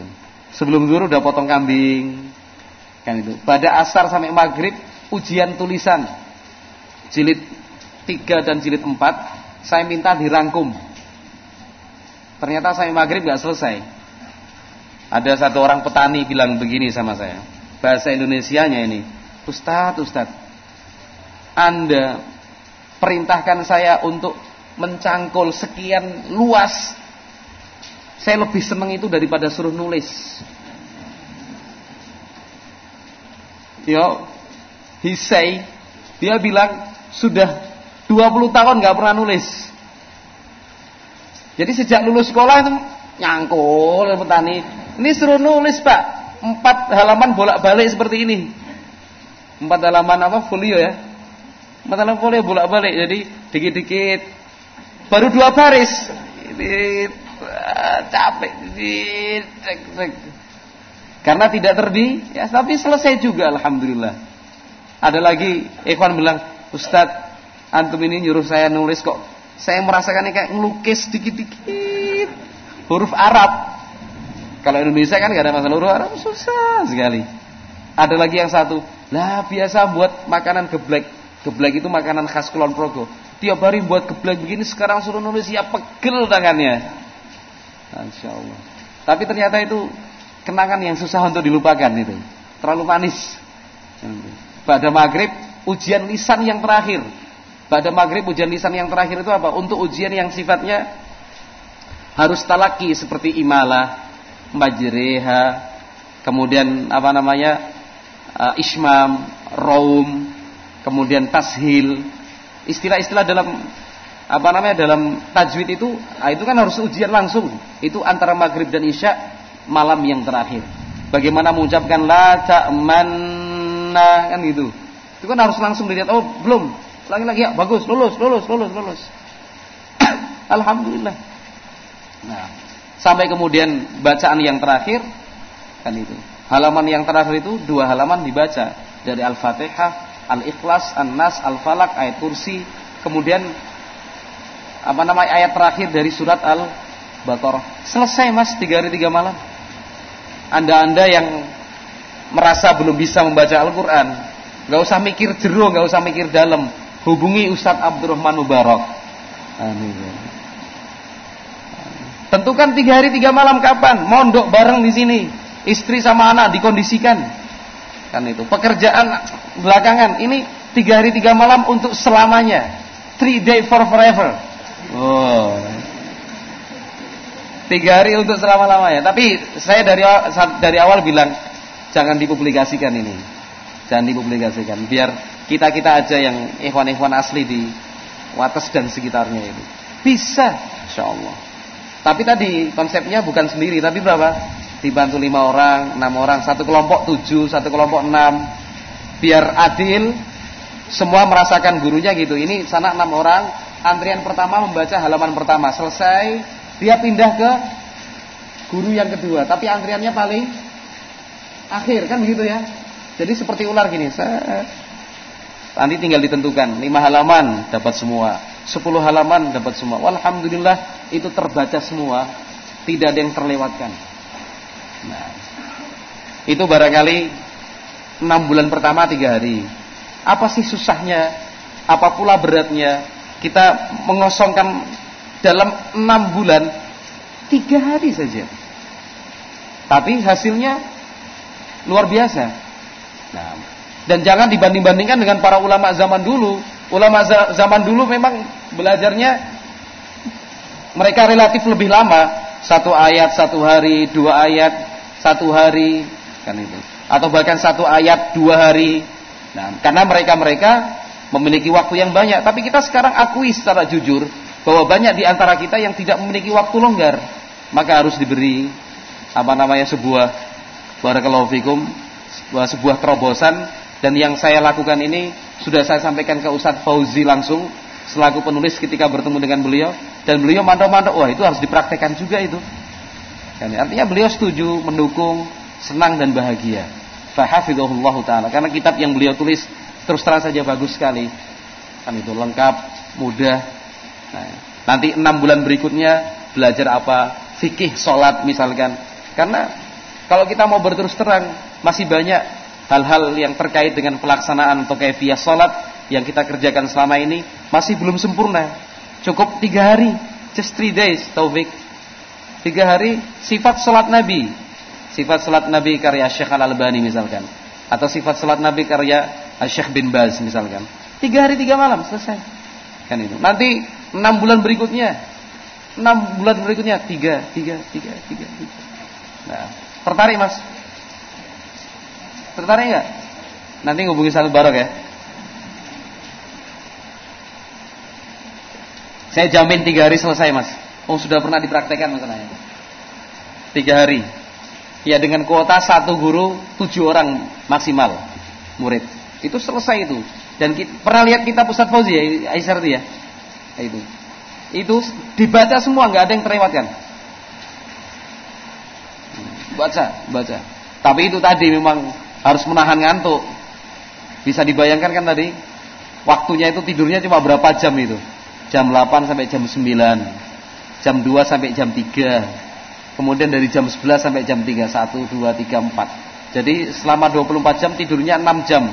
Wah, kebanyakan ini. Nah, jadi ikhwati fillah barakallahu fikum. Banyak hal yang memang harus kita pelajari dan itu memerlukan tekad tinggi. Nah, wallahu alam bisawab yang bisa kita lakukan sekarang seperti itu. Nah, apalagi kita ingin memakmurkan pondok pesantren, ingin meramaikan ma'had seperti ini ma'had Riyadhul Jannah. Nah, salah satu caranya seperti itu sepakati, tidak perlu dipublikasikan rame-rame, cukup 10 orang, 15 orang, 20 orang. Nanti kemudian datang ke pihak pondok, minta kami ingin privat apa namanya membaca Al-Quran, kitab Aisar ya, mondok tiga hari tiga malam di sini. Mudah-mudahan Allah Azza wa memberikan taufik untuk kita semua.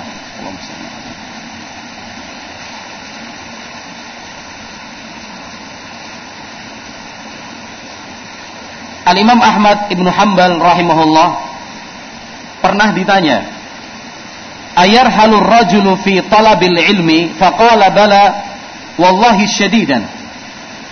Imam Ahmad pernah ditanya, apakah pantas dan layak apabila seseorang melakukan perjalanan jauh untuk mencari ilmu agama? Imam Ahmad rahimahullah menjawab, "Iya, memang seperti itu seharusnya. Harus Kemudian Imam Ahmad mengatakan dulu Al-Qamah bin Qais An-Nakhai dan Al-Aswad bin Yazid An-Nakhai beliau berdua berasal dari kota Kufah. Kalau mendengar sebuah hadis dari sahabat Umar Ibn Al-Khattab radhiyallahu taala tidak akan tidur nyenyak tidak akan pernah merasa puas dan tidak rela sampai berangkat sendiri ke kota Madinah untuk mendengarkan hadis tersebut langsung dari sahabat Umar ibn Khattab radhiyallahu taala. Kufah Madinah itu bukan dekat. Kufah itu di Irak. Madinah sekarang di Arab Saudi, jauh sekali. Nah, artinya kalau ada informasi datang, oh ada sebuah riwayat menyebutkan bahwa Umar ibn Khattab mendengar hadis dari Nabi Muhammad sallallahu alaihi wasallam demikian seperti ini. Maka Al-Qamah bin Qais An-Nakhai dan Al-Aswad bin Yazid An-Nakhai. Beliau berdua kemudian langsung menyusun rencana untuk sama-sama berangkat ke kota Madinah guna mendengarkan langsung dari sahabat Umar bin Khattab radhiyallahu taala anhu. Nah, bahkan kalau dihitung-hitung perjalanan yang dihabiskan para ulama kita banyak dari mereka bukan hitungan hari atau bulan hitungan waktu yang dihabiskan oleh mereka sampai bertahun-tahun lamanya. Misalkan Al-Imam Ibnu Mandah rahimahullahu taala. Nah, Al-Imam Ibnu Mandah rahimahullahu taala berangkat waktu itu usianya masih 20 tahun. Cari ilmu, cari ilmu, cari ilmu, cari ilmu, cari ilmu, cari ilmu. Pulang ke kembali ke kampungnya, umurnya sudah 65 tahun. Berarti perjalanannya berapa? 45 45 tahun. Nah, 45 tahun. Nah, selama 45 tahun ini dihabiskan untuk menuntut ilmu, berguru sampai ke 1700 guru lebih. Itu tidak sedikit 1700 lebih. Nah, kalau zaman sekarang merantaunya bukan untuk menuntut ilmu agama, merantaunya untuk usaha dan cari kerja. Kan itu orang kampung berangkat ke Kalimantan, pergi ke Sulawesi, nah, sampai kemudian di Sumatera 10 tahun, 15 tahun, 20 tahun, pulang kembali ke kampungnya. Apa yang dia bawa? Cerita. Kalau di Sumatera sudah membuka lahan sawit sekian hektar, sehingga penghasilannya dalam satu bulan sekian, sekian dan sekian. Cerita kalau di Sumatera sudah mendapatkan istri asli orang sana sehingga anaknya sekarang tiga atau lima. Anaknya begini cucunya demikian. Itu di zaman sekarang. Nah, bahkan bukan hanya di luar Jawa sebagian orang merantau sampai ke luar negeri ke Malaysia Korea Cina Jepang Amerika Eropa nah 10 tahun nggak pulang kampung, 15 tahun nggak pulang kampung, 20 tahun nggak pulang kampung, pulang kampung gayanya sudah orang luar negeri. Nah, apa yang dia dapatkan? Sesuatu yang sifatnya sementara. Uang dia bisa kirim ke keluarganya di kampung, membangunkan rumah, membelikan sawah, memelihara ternak. Nah, dia bantu ini, bantu itu, hanya demikian yang biasa yang bisa dia lakukan. Nah, sesuatu yang sifatnya sementara. Tetapi para ulama kita, contoh yang telah disebutkan tadi, Al-Imam Ibnu Mandah rahimahullah, 45 tahun keliling dunia bertemu dan belajar kepada 1700 guru. Terus kapan nikahnya ya? Disebutkan di dalam biografi beliau rahimahullah ketika pulang kembali ke kampungnya menikah. Usianya berapa tadi menikah? 65 tahun. Menikah usianya 65 tahun. Nah. Dan Allah Azza wa Jal maha kaya maha pemurah maha penuh kasih dari hasil pernikahannya beliau mendapatkan sekian banyak anak dan keturunan bukan satu dua banyak nah ini kan rizki. Siapa yang menyangka laki-laki bujang lapuk kan gitu ya? 65 tahun nggak nikah nikah kan bujang lapuk. Kita aja 30 tahun, 35 tahun nggak nikah aja udah digodain. Kok nggak nikah nikah sih? Emang kenapa? Pernah kecewa ya? Kan itu. Nggak bisa ngelupain ya kan itu. Nunggu jandanya mantan ya kan itu. Wah macam-macam digodain terus. Padahal dia serius belajar ini dan itu. Subhanallah. Al-Imam Ibnu Mandar rahimahullah. Nah, karena sebab ketekunannya, kesabarannya di dalam menuntut ilmu agama, Allah Azza wa memberikan balasan yang terbaik. Ilmu didapat, istri dapat, anak keturunan. Siapa sangka usia 65 tahun itu untuk laki-laki saja sudah tidak bisa disebut sebagai usia subur. 65 tahun loh ya. Nah, sudah kakek-kakek. Tapi Allah Maha Kaya. Nah, Al-Imam Ibnu Mukri rahimahullahu taala bercerita tentang dirinya sendiri. Tuftul masyriqa wal maghrib arba'a marrat. Kata Imam Ibnu Mukri rahimahullah, saya pernah keliling dunia dari timur barat itu sebanyak empat kali. Nah,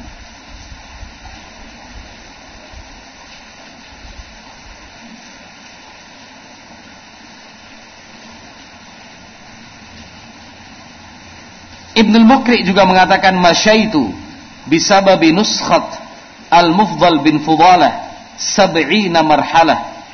Walau uridat ala khabbazin biraghifin lam yakbalha karena mereka-mereka para ulama mengerti kadar dan nilai ilmu itu seperti apa kata Imam Ibnu Mukri rahimahullah hanya untuk mendapatkan salinan kitab karya al-mufdal bin Fudalah saya rela untuk berjalan menempuh jarak 70 marhalah. 70 marhalah itu jauh sekali satu marhalah apa namanya 3 kiloan, 3 sampai 4 kilo. Berarti 200 kilo melakukan perjalanan hanya untuk mendapatkan apa? Satu salinan kitab Al-Mufdal bin Fudalah rahimahullah. Kata beliau seandainya kitab itu tadi nah, ditawarkan sebagai alat tukar kepada seorang tukang pembuat roti untuk mendapatkan satu potong roti, dia nggak mau. Nah. Maksudnya Ibnul Mukri melakukan perjalanan ratusan kilometer tadi hanya untuk mendapatkan apa? Salinan ki kitab karya Al-Mufdal bin bin Fudalah. Nilainya ini kalau untuk ditukar dengan sepotong roti Orang nggak mau murah banget. Jadi kalau roti itu harganya lima ribu rupiah satu potong, ini harganya seribu dua ribu. Tapi Alimam Ibnu Mukri rela jalan kaki sampai 200 km lebih hanya untuk mendapatkannya. Kenapa? Karena mereka-mereka mengerti kadar ilmu itu seperti apa. Nah, kadar ilmu itu bagai bagaimana. Nah, nah kita ikhwati fillah rahimani wa rahimakumullah mestinya harus lebih dari sekedar seorang tukang pembuat roti yang nggak ngerti ilmu. Nah, yang nggak ngerti, nggak ngerti ilmu. Maka sering kita mendengar omongan orang, tetangga, kerabat sendiri, misalkan teman atau sahabat. Nah, mereka yang menilai kita ini sebagai orang-orang aneh. Nah, orang ini aneh. Nah, kenapa aneh? Yang lainnya kerja, ini malah bawa tas, buku, naik motor menuju pondok. Duduk belajar sampai 2 jam, 3 jam, kemudian pulang kembali, baru buka toko, baru jualan. Nah, sementara orang lain sebelum subuh sudah berangkat. Nah, tapi bersyukurlah bahwasanya Allah Azza wa Jal telah memberikan cahaya di dalam hati kita sehingga bisa menentukan mana yang baik, mana yang lebih baik. Ini berharga, tapi ini jauh lebih berharga lagi. Nah, yang jelas kenapa sampai sebagian kita sampai seperti itu? Nah, kelihatannya kerja nggak serius, usaha dijalankan tidak sungguh-sungguh. Nah, tapi kelihatannya senang terus. Kata sebagian orang, tiap tahun lahir terus anaknya. Tapi kerjanya apa ya? Pondok, rumah, mondok, rumah, pondok, rumah. Ngaji, ngaji, ngaji, ngaji, ngaji. Sampai kalau kemudian muncul ungkapan dari sebagian orang, ya jelas orang mereka dibiayai dari luar negeri. Kan itu. Om beritanya sampai ke kita, setiap orang ikut pengajian mereka, tiap bulan dapat 400 ribu. Kalau ada seorang ibu melahirkan anak laki-laki, dapat sekian. Kalau anak perempuan dapat sekian. Itu ada tunjangannya. Kan itu. Ya kalau memang seperti itu terus kenapa mereka nggak ngaji juga ya? Kan itu. Dan bahasa seperti itu kan sudah biasa kita dengar. Barakallahu fikum, biasa kita dengar. Ternyata kan jawabannya mudah. Kenapa sampai sebagian kita memilih cara hidup demikian? Karena sudah belajar apa yang disebut dengan kona'ah. Kan gitu. Apa yang disebut dengan kona'ah? Kona'ah itu kan merasa cukup. Kan itu. Merasa puas. Yang sedikit kalau dilihat dengan kacamata kona'ah jadi besar. Nah, yang sedikit kalau dilihat dengan kacamata kona'ah banyak rasanya. Alhamdulillah. Bersyukur, udah cukup. Nah, tapi sebanyak apa pun yang Allah berikan untuk kita, bila melihatnya dengan kacamata tamak dan kerakusan, kurang sedikit. Bahkan kita menganggapnya tidak ada sama sekali. Nauzubillah. Maka Nabi Muhammad wasallam menyatakan, "Qad aflaha man aslam wa ruzziqa kafafan wa qanna'ahu Allah bima atahu." Hadis Abdullah bin Amr bin Al-As, riwayat Al-Imam Muslim rahimahullahu taala. Kata Nabi sallallahu alaihi wasallam, alangkah beruntungnya seorang hamba yang muslim lalu dia mendapatkan rizki yang sudah sesuai dengan kadarnya, cukup. Dia perlu 10 ribu, dapat 10 ribu. Yang dia perlukan 50 ribu, dapat 50 ribu. Sesuai. Wa qanna'ahu dan Allah Azza wa Jal memberikan sifat qanaah untuknya. Memberikan sifat qanaah untuknya. Sekalipun yang dia butuhkan 10 ribu, lantas yang dia dapatkan 5 ribu, tetap dia menganggapnya itu sama dengan 10 ribu. Apa bisa seperti itu? Bisa. Asalkan seorang hamba betul-betul memiliki sifat kona'ah di dalam hatinya.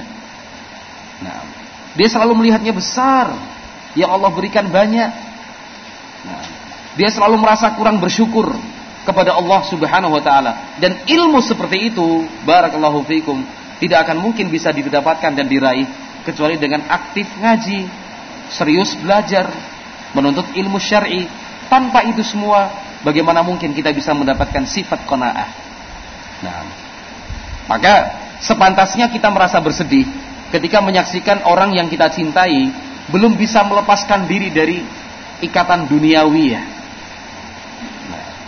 Kerja ya, dari pagi sampai sore. Nah, capek. Nah, malam sebelum tidur itu sudah di pusingkan dengan besok bagaimana ya kerjanya.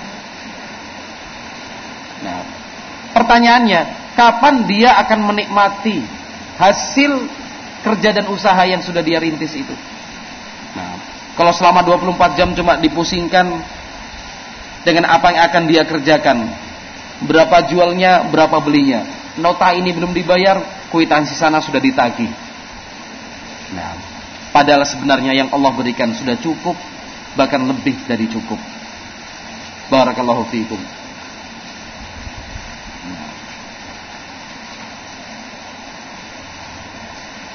Sahabat yang mulia Jabir ibnu Abdullah radhiyallahu taala anhuma pernah menceritakan untuk kita sahabat Jabir ibnu Abdullah radhiyallahu taala anhuma. Beliau mengatakan saya pernah mendengar sebuah hadis dari Rasulullah sallallahu alaihi wasallam. Dulunya saya belum pernah mendengar hadis tersebut. Nah, ini cerita dulu karena merasa belum mendengarnya secara langsung dari sumber yang terdekat. Akhirnya Jabir ibnu Abdullah radhiyallahu taala membeli seekor unta. Akhirnya beliau melakukan perjalanan dari Madinah sampai ke negeri Syam. Perjalanan satu bulan lamanya. Nah, apa tujuan beliau menuju negeri Syam? Untuk menemui seorang sahabat yang bernama Abdullah bin Unais radhiyallahu taala anhu. Nah, bayangkan barakallahu fikum hanya untuk mendapatkan satu hadis dari Nabi Muhammad sallallahu alaihi wasallam, sahabat Jabir bin Abdullah rela mengeluarkan uang untuk membeli seekor unta yang digunakannya nanti berangkat menuju negeri Syam. Sampai ke negeri Syam satu bulan berikutnya fakultu lil bawab kullahu jabirun alal bab. Nah, sampai di depan rumahnya sahabat Jabir ibnu Abdullah menyampaikan kepada penjaga rumah tolong sampaikan kepada majikanmu bahwa Jabir menunggu di depan rumahnya Kemudian si penjaga rumah tadi langsung menemui Abdullah bin Unais radhiyallahu taala menyampaikan pesan dari Jabir bin Abdullah. Abdullah bin Unais, sahabat yang dituju, bertanya keheranan, "Jabir bin Abdullah? Apa betul yang datang Jabir bin Abdullah?" Nah, karena merasa kaget didatangi oleh sahabat atau kawan karib berasal dari negeri yang jauh, akhirnya Abdullah bin Unais radhiyallahu taala keluar untuk menemui Jabir bin Abdullah. Nah, akhirnya barakallahu fikum kata Jabir bin Abdullah, aku dipeluk oleh Abdullah bin Unais, aku pun juga membalas pelukannya. Saling berpelukan karena sahabat karib, teman dekat yang sudah lama dipisahkan. Nah, selesai peluk-pelukan, Kata Jabir ibnu Abdullah radhiyallahu taala anhuma, haditsun balagani anka.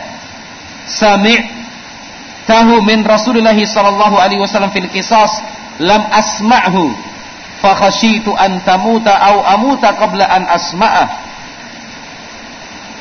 Kata Jabir ibnu Abdullah radhiyallahu taala anhuma, ada sebuah hadis informasi itu sampai kepadaku, engkau pernah mendengarnya secara langsung dari Nabi Muhammad sallallahu alaihi wasallam. Hadis yang dimaksud itu tentang kisos pada hari kiamat nanti. Dan hadis itu terus terang saja belum pernah saya dengar sebelumnya. Maka saya takut kalau engkau mati atau aku yang mati sebelum sempat mendengar hadis tersebut darimu.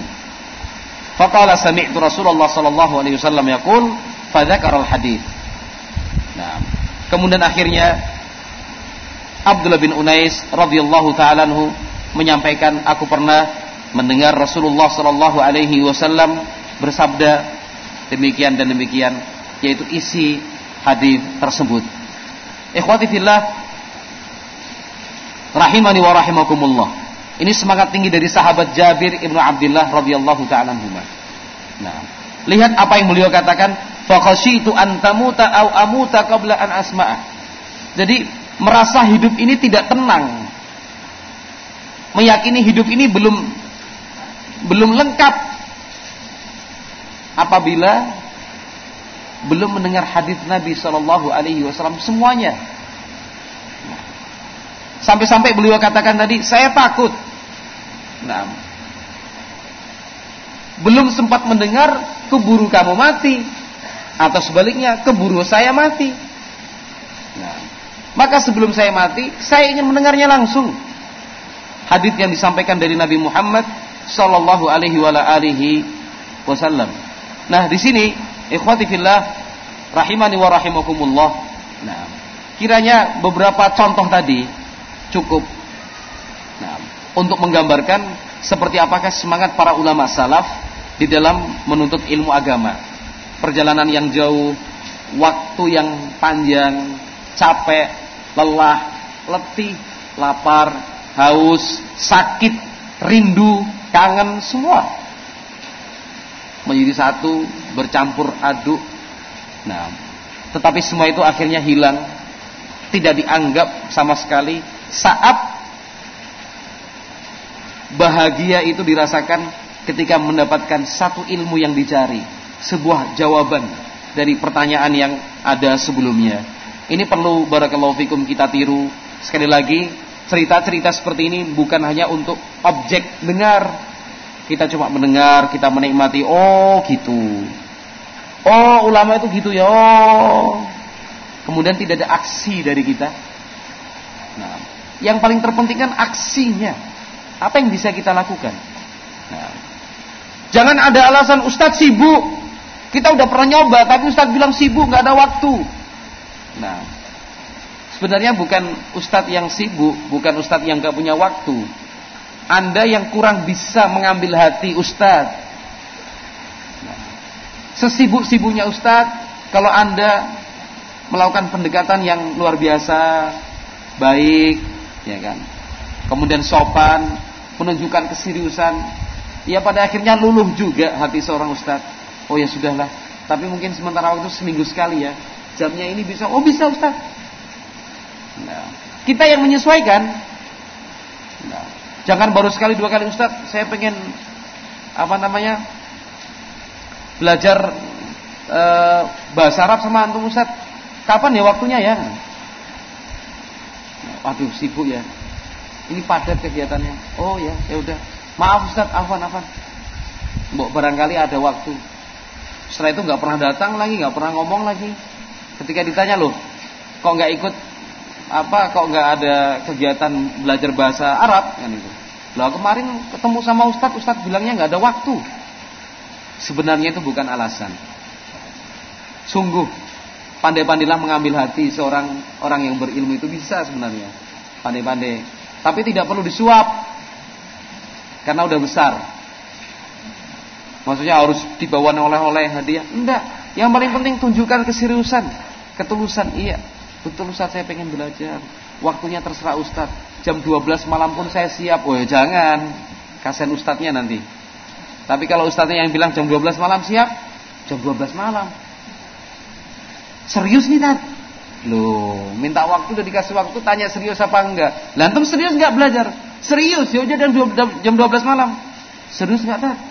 Serius. Misalkan begitu. Nah, jadi Ikhwati fillah rahimani wa rahimakumullah. Yang paling terpenting sekarang kan aksi. Aksi dari masing-masing kita sendiri satu. Yang kedua mungkin bisa dikelola tadi. Seperti wallahu alam contoh yang telah saya sampaikan tadi mungkin dalam dua bulan sekali, tiga bulan sekali ada satu hari full. Ya, selama 24 jam. Apa misalkan? E, apa namanya? Sifat sholat jenazah misalkan. Dari pagi sampai pagi berikutnya. Nanti bulan depan satu hari full. Khusus buat ikhwan-ikhwan bukan untuk santri. Khusus ikhwan-ikhwan yang punya kesibukan tinggi, yang punya apa tugas, yang kerja di perusahaan tiap tanggal sekian, tiap bulan satu hari full. Nah, itu akan sangat membantu insyaallah taala. Wallahu alam bisawab. Ini adalah sesi yang kedua. Insyaallah akan kita lanjutkan pada kesempatan pada maghrib insyaallah. Mudah-mudahan Allah Subhanahu wa taala memberikan nah, kesabaran untuk kita semua. Subhanakallahumma wa bihamdik asyhadu an la ilaha illa anta astaghfiruka wa atubu ilaik. Walhamdulillahirabbil alamin.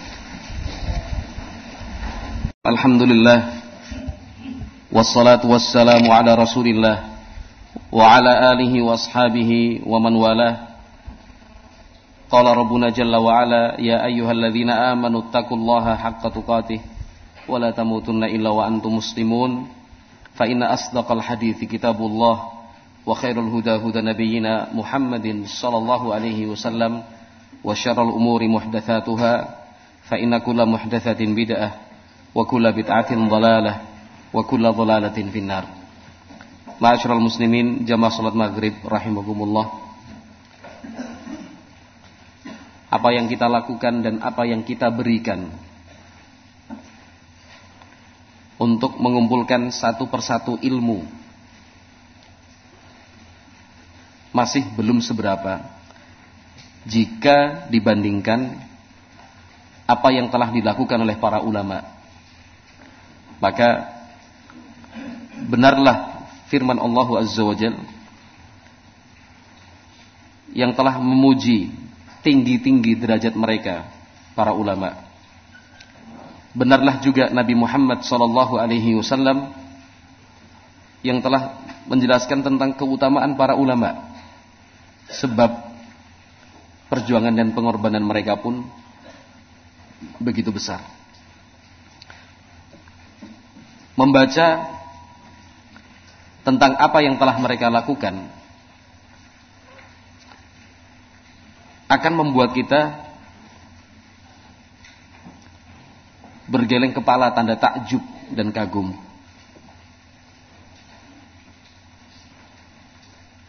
Mungkin ada semacam tidak percaya tapi yakinlah itu benar-benar nyata. Para ulama kita rahimahumullah mereka telah berkorban dengan segala-galanya. Rahimahumullah. Ya.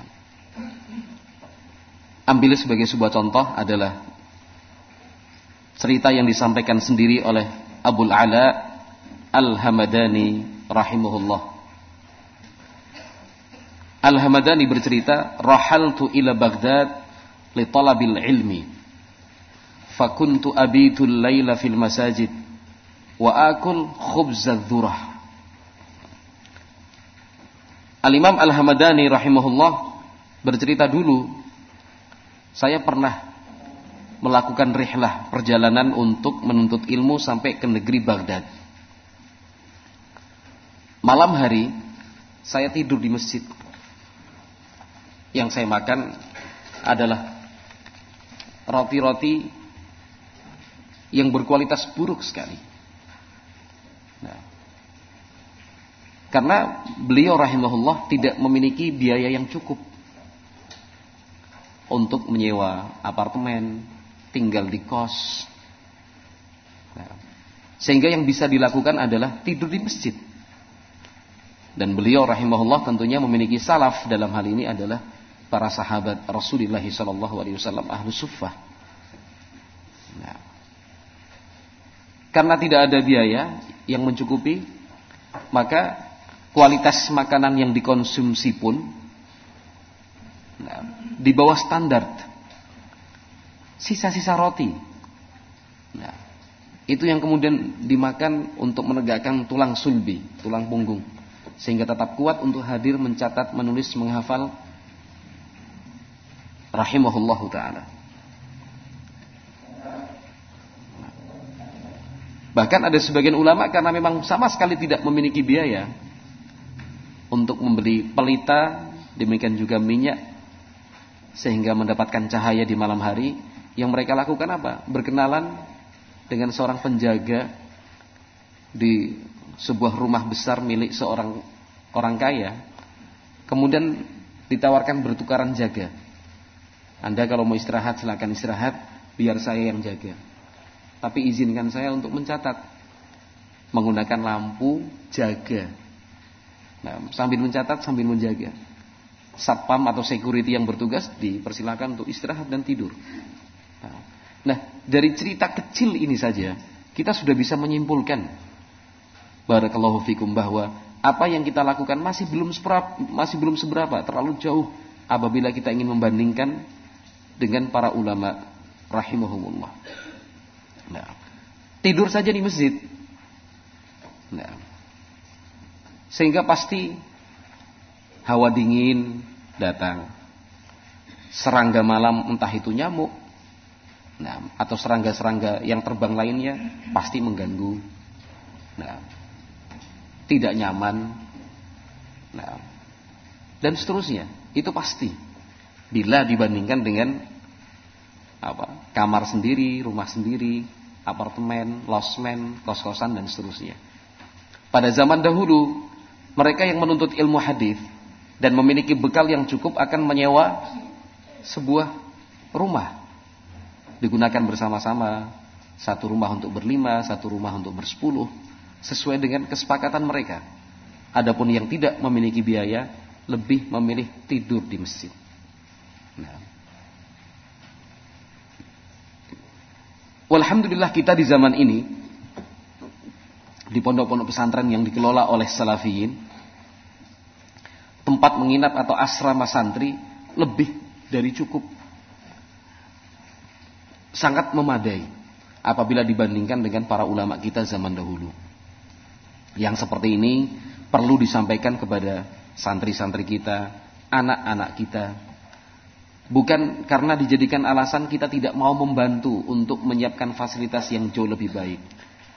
Bukan karena ingin mencari alasan karena kita kurang maksimal untuk menyiapkan sarana dan prasarana, bukan. Tetapi tujuannya menceritakan hal yang seperti ini adalah menanamkan sikap sederhana, bersahaja untuk menuntut ilmu agama. Nah, orang yang ingin sukses di dalam belajar memang harus hidup dalam keprihatinan. Nah, orang kaya sekalipun di zaman dulu tetap prihatin akhirnya hidup yang dijalani saat menuntut ilmu. Nah, karena tidak ada waktu untuk kemudian istirahat dengan tenang dan nyaman, tidak ada waktu untuk kemudian mengkonsumsi makanan dan minuman. Nah, dengan membuang dan menghabiskan waktu, tidak. Semua berjalan maksimal dan efisien. Barakallahu fiikum. Demikian juga coba bayangkan bahwasanya para ulama rahimahumullah mereka yang tidak memiliki biaya Akhirnya makan apa adanya, ala kadarnya. Dan ini mungkin juga pernah dirasakan oleh sebagian apa ustadz-ustadz kita yang pernah belajar sampai ke Timur Tengah, entah itu di Yaman atau di negeri Arab Saudi. Jangan dibayangkan bahwa ustadz-ustadz kita salafiyin yang beliau-beliaunya adalah mutakharrij, lulusan dari Arab Saudi kemudian hidupnya mewah. Jangan. Nah, coba sesekali minta beliau-beliau bercerita. Nah, minta beliau-beliau bercerita. Seperti apakah susah dan beratnya menuntut ilmu agama. Walaupun di Arab Saudi yang kita kenal katanya fasilitas lengkap. Kemudian setiap bulan ada syahriah, ada semacam tunjangan yang diberikan beasiswa untuk mahasiswa. Nah, tapi ternyata tidak seindah yang kita bayangkan. Ingat, mereka ustadz-ustadz kita salafiyin yang tidak tergoda dengan tawaran dana, yang tidak tergoda dengan berbagai macam bantuan dari misalnya ihya uturat atau yang semisalnya ditolak. Mereka beliau-beliau hafizahumullah hidup dalam kesederhanaan. Ya. Ustaz-ustaz kita juga yang lulusan dari negeri Yaman seperti itu juga. Nah, kita sendiri dulu pernah, bukan pernah, bahkan sering posisi lapar karena aktivitas yang sangat tinggi sekali. Nah, mengejar satu majelis ke majelis yang lain. Nah, energi yang dikeluarkan begitu besar. Sehingga apa yang diperoleh dari pondok tidak mencukupi untuk mengganti energi yang telah digunakan. Seringkali lapar, terutama sore hari, malam hari. Nah, satu persatu kemudian memberikan urunan, ada yang 10 real, 20 real, 30 real. Nah, kalau bisa terkumpul uang, misalkan 50 atau 70 real Yaman, ya kurang lebih 2.500 rupiah sampai 3.000 sampai 5.000 rupiah, bisa digunakan untuk beli beras, misalkan setengah kilo. Belikan beras setengah kilo dimasak bareng-bareng, lauknya cabai dengan garam diulek. Itu sudah sungguh sangat menyenangkan sekali. Nah, kalau sudah tidak punya uang, yang kita lakukan apa? Mengumpulkan roti-roti kering. Karena setiap pagi dan malam sajian menunya adalah roti yang jika beberapa jam tidak di apa tidak di diamankan dimasukkan dalam plastik atau toples yang tertutup kedap udara akhirnya akan mengeras Roti-roti itu kita kumpulkan, bahkan sebagian yang sudah berjamur. Betul-betul berjamur rotinya. Kita kumpulkan, kita rendam, kita sikat jamur-jamur itu, dibersihkan, kan itu. Kemudian direndam sedikit, baru dimasak dengan bumbu seadanya, ya garam, ya apa namanya tomat, ditambahkan dengan bawang bombay dan seterusnya. Itu sudah pernah dialami. Nah, dan banyak dan harus mengalami hal-hal yang seperti itu. Barakallahu fikum. Justru nikmatnya belajar agama di situ. Nah, seperti yang disebutkan oleh Al-Imam Al-Hamadani rahimahullahu taala. Maka terkadang barakallahu fikum ketika suatu saat saya pernah bertanya kepada seorang santri loh, Kenapa nggak mondok di sana saja? Kok balik ke sini? Oh, di sana masak sendiri ya Ustaz. Jadi apa pondok tersebut lebih baik dalam arti apa? Tingkatannya memang sudah pindah ke sana. Tapi kalau dia kembali ke pondoknya yang lama, untuk kelasnya belum ada. Sudah diberikan rekomendasi, sudah berangkat, sudah sempat mencicipi beberapa hari tinggal di pondok yang sudah direkomendasikan, ternyata pulang kembali ke pondok yang lama. Yang tidak menyiapkan kelas untuk murid seusia dia. Ketika saya tanya, lo kenapa mas gak pondok di sana? Lah masak sendiri ya Ustaz. Masak sendiri. Emang kenapa kalau masak sendiri? Kan Terus saya ceritakan begini, ngaji, mondok, tolabul ilmi Memang harus demikian, berlatih, belajar. Nah, jangan disangka, jangan dikira terus nanti kalau setelah jadi ustadz nggak ada kegiatan memasak. Nah, untuk menjadi seorang dai ilallah harus tahan banting segala sesuatu mesti bisa walaupun hanya dasar-dasarnya saja. Bisa ini, bisa itu, faham ini, faham itu. Wawasannya mau tidak mau harus diperluas. Karena objek dakwah yang dihadapi juga berbagai macam. Beraneka ragam. Ada yang pegawai, ada yang karyawan, ada yang buruh, ada yang petani. Nah, ada yang aparat keamanan. Nah, ada yang latar belakangnya baik, ada yang latar belakangnya buruk, ada orang tua, ada masih anak-anak. Dan itu semua harus dipelajari untuk kemudian dikuasai. Sehingga penyampaian kita pun baik. Nah, bahasa yang mestinya ditujukan kepada anak-anak tidak boleh kita kemudian praktekkan dibahasakan kepada orang tua. Nah, kepada mereka yang baru saja mengenal dakwah salafiyah, bahasanya tentu berbeda dengan mereka yang sudah bertahun-tahun lama mengenal dakwah salafiyah. Barakallahu fikum. Misalkan sebagai contoh, nah, masalah sholat berjamaah. Ini contoh, contoh yang sederhana sebenarnya. Cara kita memberikan nasihat kepada yang baru saja mengenal apa arti sholat, yang baru saja memahami tata cara sholat Nabi Shallallahu Alaihi Wasallam. Nasihat kita tentukan bobotnya berbeda dengan nasihat yang kita berikan untuk mereka yang sudah sekian lama mengenal dakwah salafiyah, yang sudah sekian lama mempelajari ayat dan hadis Nabi Shallallahu Alaihi Wasallam tentang keutamaan sholat berjamaah, bergegas untuk menyambut seruan sholat berjamaah, berebutan di soft yang pertama. Nah, bobotnya harus berbeda. Tidak mungkin nasihat kepada si A kita tujukan kepada si B. Nasihat yang mestinya kadarnya untuk si B kemudian kita berikan untuk si A. Berbeda. Ini kan ilmu tentang metode atau cara menyampaikan. Nah, metode atau cara menyampaikan. Nah, ketika misalkan si A yang baru saja bertaubat, insya mengakui setelah sekian tahun sekian lama jauh dari Allah Azza wa Jal. Nah, tidak melaksanakan perintah. Nah, untuk mengenal Nabi Muhammad Sallallahu Alaihi Wasallam sehingga bisa melaksanakan sunnah-sunnahnya. Akhirnya suatu saat Allah berikan hidayah dia bertaubat. Mulai belajar tentang tata cara sholat. Nah, mulai belajar tentang tata cara sholat. Satu dua tiga empat lima. Dalam prakteknya masih banyak yang salah masih ada yang kurang tapi dia masih mau terus belajar. Nah, orang seperti ini tentunya kan diberikan motivasi. Diberikan motivasi. Bukan terus semangat aja. Nah, yang kita sampaikan adalah terus semangat saja belajar tentang tata cara sholat Nabi. Nanti lama-lama kan akhirnya sempurna, sempurna, sempurna, sempurna. Nah, karena apa? Orang yang seperti ini, nah, sebagiannya ketika kita kritik, kemudian kita tegur, mungkin mentalnya jatuh, dia merasa kecil, akhirnya putus asa lari. Oh dia baru saja kenal dakwah. Nah, tapi selama tidak mempengaruhi status sah salatnya, status sah salatnya tidak terpengaruh, tapi mungkin ada beberapa amalan sunnah atau barangkali hal yang sifatnya wajib. Nah, tapi dia belum pelajari sehingga tidak dilakukan. Yang terbaik kita dorong tetap belajar, tetap belajar. Kecuali dia bertanya, apa ada yang kurang, apa ada yang salah, kita terangkan. Tapi untuk mereka, barakallahu fikum, yang sudah bertahun-tahun, belasan tahun, bahkan puluhan tahun, sudah sadar tentang keutamaan sholat berjamaah, bergegas, segera, tidak menunda-nunda, berebut dengan soft awal. Nah, kemudian kita lihat, barakallahu fikum semangatnya kok turun, yang dinantikan adalah iqamah, bukan azan.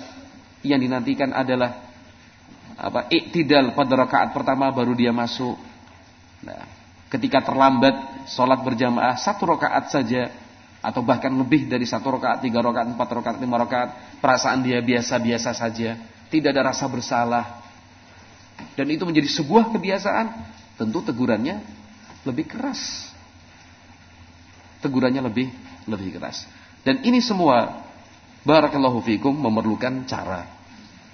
Nah, dalam tolabul ilmi itulah kita akan dihadapkan dengan berbagai macam tantangan dan yang sebenarnya itu adalah sebuah pembelajaran agar suatu saat nanti ketika kita benar-benar berdakwah menyampaikan kalau Allah menjelaskan kalau Rasulullah wasallam menjadi seorang dai yang tahan banting insyaallah taala.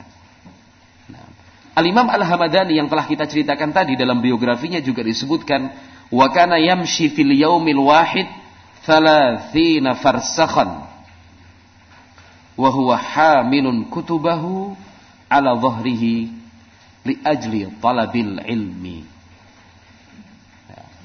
Al-Imam Al-Hamadani rahimahullah terkadang dalam satu hari satu malam berjalan kaki menempuh jarak 30 farsah. 30 farsah. Tiap farsah kurang lebih 40 sampai 50 km. Apa 4 sampai 5 km tiap farsahnya.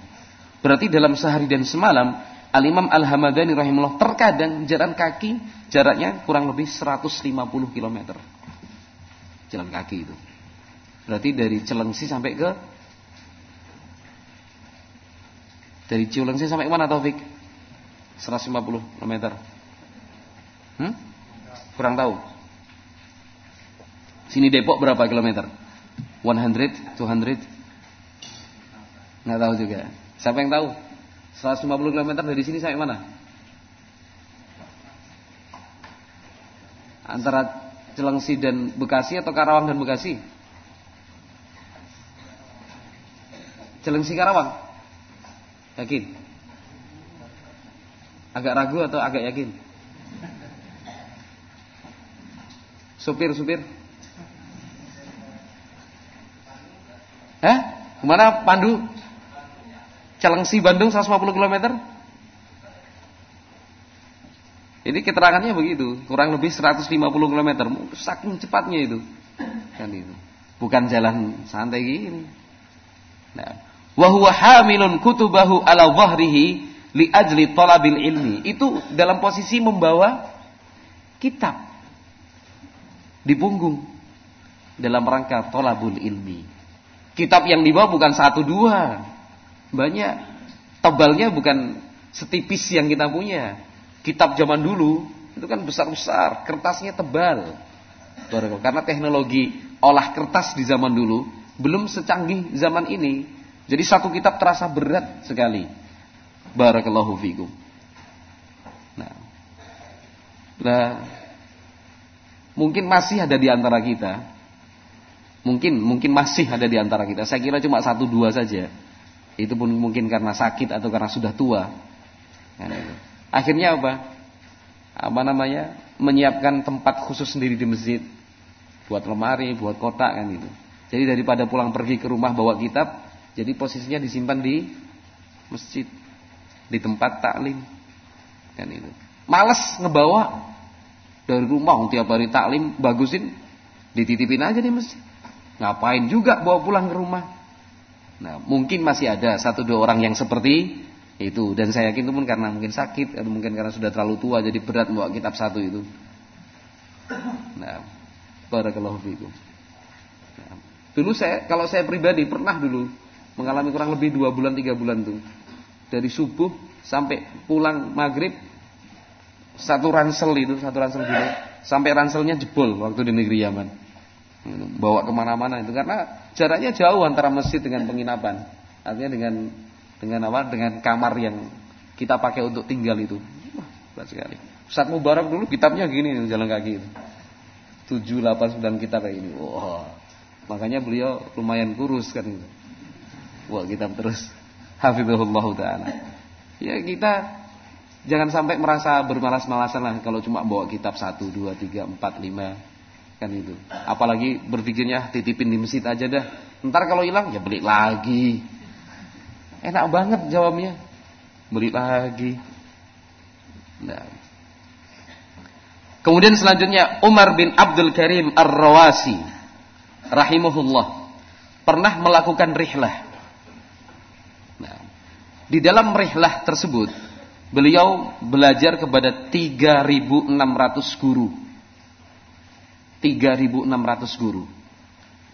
Dengan catatan, barakallahu fikum, tujuan para ulama kita bukan untuk banyak-banyakan guru. Perlu diingat ya, tujuan para ulama kita bukan untuk banyak-banyakan guru. Tapi memang mereka serius belajar. Satu guru ilmunya dihabiskan, pindah lagi, pindah lagi, pindah lagi, pindah lagi, pindah lagi. Terus begitu. Nah, jadi dalam kesemangatan, dalam penuh kesungguhan. Umar bin Abdul Karim Ar-Rawasi rahimahullah sampai berguru kepada 3.600 orang. Di salah satu rihlah yang beliau lakukan, saqatat ba'lu asabihi min shiddatil bardi wa thalj. Walam yakun ma'ahu anadhak ma yatadaffa'u bih. Umar bin Abdul Karim rahimahullah pernah dalam satu perjalanannya menembus daerah dingin. Salju. Nah, saking dinginnya dan beliau tidak memiliki alat untuk menghangatkan badan, itu satu jarinya lepas saking dingin dan itu sangat memungkinkan sekali. Saking dinginnya itu, itu kemudian nggak terasa ya, pati rasa tahu ya. Saking dinginnya, dinginnya memuncak. Nah, itu Umar bin Abdul Karim Ar-Rawasi rahimahullah. Demikianlah para ulama kita di dalam apa namanya usaha dan upaya mereka untuk mengumpulkan ilmu satu persatu. Pengorbanan yang mereka berikan, yang mereka berikan, perjuangan yang mereka lakukan sungguh sangat apa, menakjubkan sekali.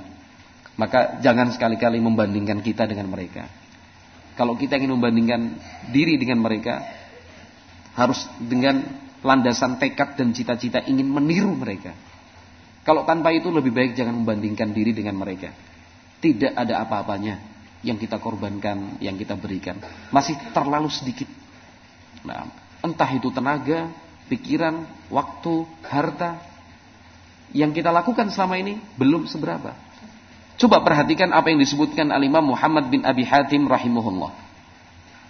Nah, Al-Imam Ibnu Abi Hatim bercerita, bercerita kharajtu ila Adama ibni Abi Iyas fatakhallafat anni nafaqati hatta ja'altu atanawalul hashish wala ukhbiru bidzalika ahadan Kata Imam Ibnu Abi Hatim rahimahullah, saya pernah berangkat belajar kepada Adam bin Abi Iyas, seorang ulama besar di zamannya. Dalam perjalanan itu, ternyata bekal yang aku bawa habis. Uang atau biaya yang diperlukan untuk membeli makan, untuk membeli minuman habis. Nah, apa yang dilakukan al-Imam Ibnu Abi Hatim rahimahullah hatta ja'altu atanawalul hashish yang saya lakukan untuk mengobati rasa lapar itu mengumpulkan dedaunan ada yang sebagainya kering ada yang masih basah Dikumpulkan. Untuk apa? Dimakan. Rahimahullah. Wala ukhbiru bidzalika ahadan. Selama itu tidak pernah saya ceritakan kepada siapa pun. Nah, sabarnya luar biasa. Karena kesabaran mereka itulah Allah Azza wa Jal mengangkat derajat tinggi-tinggi. Waja'alna minhum a'immatan yahduna bi amrina lamma sabaru wa kanu bi ayatina yuqinun. Nah, karena bisabri wal yakin tunalul imamatu fid din. Hanya dengan berbekal kesabaran plus keyakinan kedudukan tinggi di dalam agama itu barulah bisa dicapai. Allah Azza wa Jal tadi seperti yang telah saya bacakan berfirman, "Wa ja'alna minhum a'immatan yahduna bi amrina." Dan kami pilih, kami tetapkan di antara mereka para imam, para pemimpin, panutan dan teladan. Yahduna bi amrina, mereka yang mengarahkan, membimbing, menuntun manusia dengan petunjuk dari kami. Lama sobaru. Kedudukan seperti itu diperoleh saat mereka mau bersabar. Wa kanu bi ayatina dan mereka pun yakin dengan ayat-ayat kami. Jadi dengan sabar yakin, sabar yakin, sabar yakin. Nah. Ini pun nasihat untuk santri semua barakallahu fikum. Ketika misalkan makan pagi jam 7, telat sampai setengah 8, lapar. Enggak usah telepon abinya bi, pondok sini kok sarapannya telat terus bi, kan gitu. Nanti uminya datang terus nangis, kenapa nak? Anu Mi, di sini makannya nggak tepat waktu Mi, jadi sakit perut Mi. Bukan demikian. Nah, mungkin kadang-kadang menu yang disajikan tidak sesuai yang kita harapkan. Cuma nasi, nah, sayur, sayur kita sendiri kurang selera, lauknya pun satu berbagi untuk berlima. Akhirnya, aduh, lebih bagus nggak usah makan, buat kamu aja. Nah, Akhirnya ngutang koperasi. Nah. Memaksakan diri kan yang seperti itu. Sabar. Lihat para ulama. Sampai daun-daun kering aja dimakan. Jangan dibayangkan daunnya seperti daun dedaunan di Indonesia. Kalau di Indonesia kan masih banyak daun yang bisa dikonsumsi. Daun pepaya, daun ubi, ya kan? Daun apalagi daun kemangi. Itu kan daun semua itu masih bisa dikonsumsi. Tapi bayangkan di tanah Arab dedaunan dari pohon yang kering, pohon yang penuh duri. Misalkan. Seperti apa rasanya? Pahit.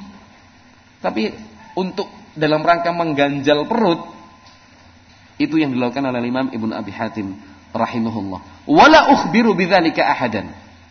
Nah, sabar untuk tidak cerita kepada orang.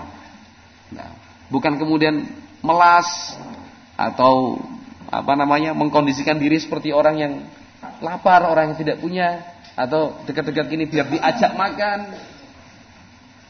Para ulama kita memilih untuk bersabar. Falamma kana al-yawmu atani atin lam a'rifhu fanawalani surrata dananir wa qala anfik ala nafsik. Nah, tepat pada hari yang ketiga, hari pertama, hari kedua, tidak bisa makan apa-apa karena tidak memiliki bekal dan biaya. Tepat pada hari yang ketiga, ada orang datang yang tidak pernah dikenal sebelumnya oleh Halimam Ibnu Abi Hatim rahimahullah. Orang yang datang itu memberikan apa? Satu kantong berisi uang emas. Ini pesannya anfik ala nafsik. Gunakan uang ini untuk keperluan dirimu. Pertolongan dari Allah Subhanahu wa taala. Mungkin terjadi? Mungkin. Kenapa tidak? Allah Azza wa Jalla adalah zat yang maha kaya. Allah Subhanahu wa taala adalah zat yang maha penuh kasih dan rahmah. Allah Azza wa Jal menjamin mereka-mereka yang serius bertekad bersungguh-sungguh untuk menuntut ilmu agama. Allah menjamin menjamin kebutuhan mereka di dunia dan di akhirat.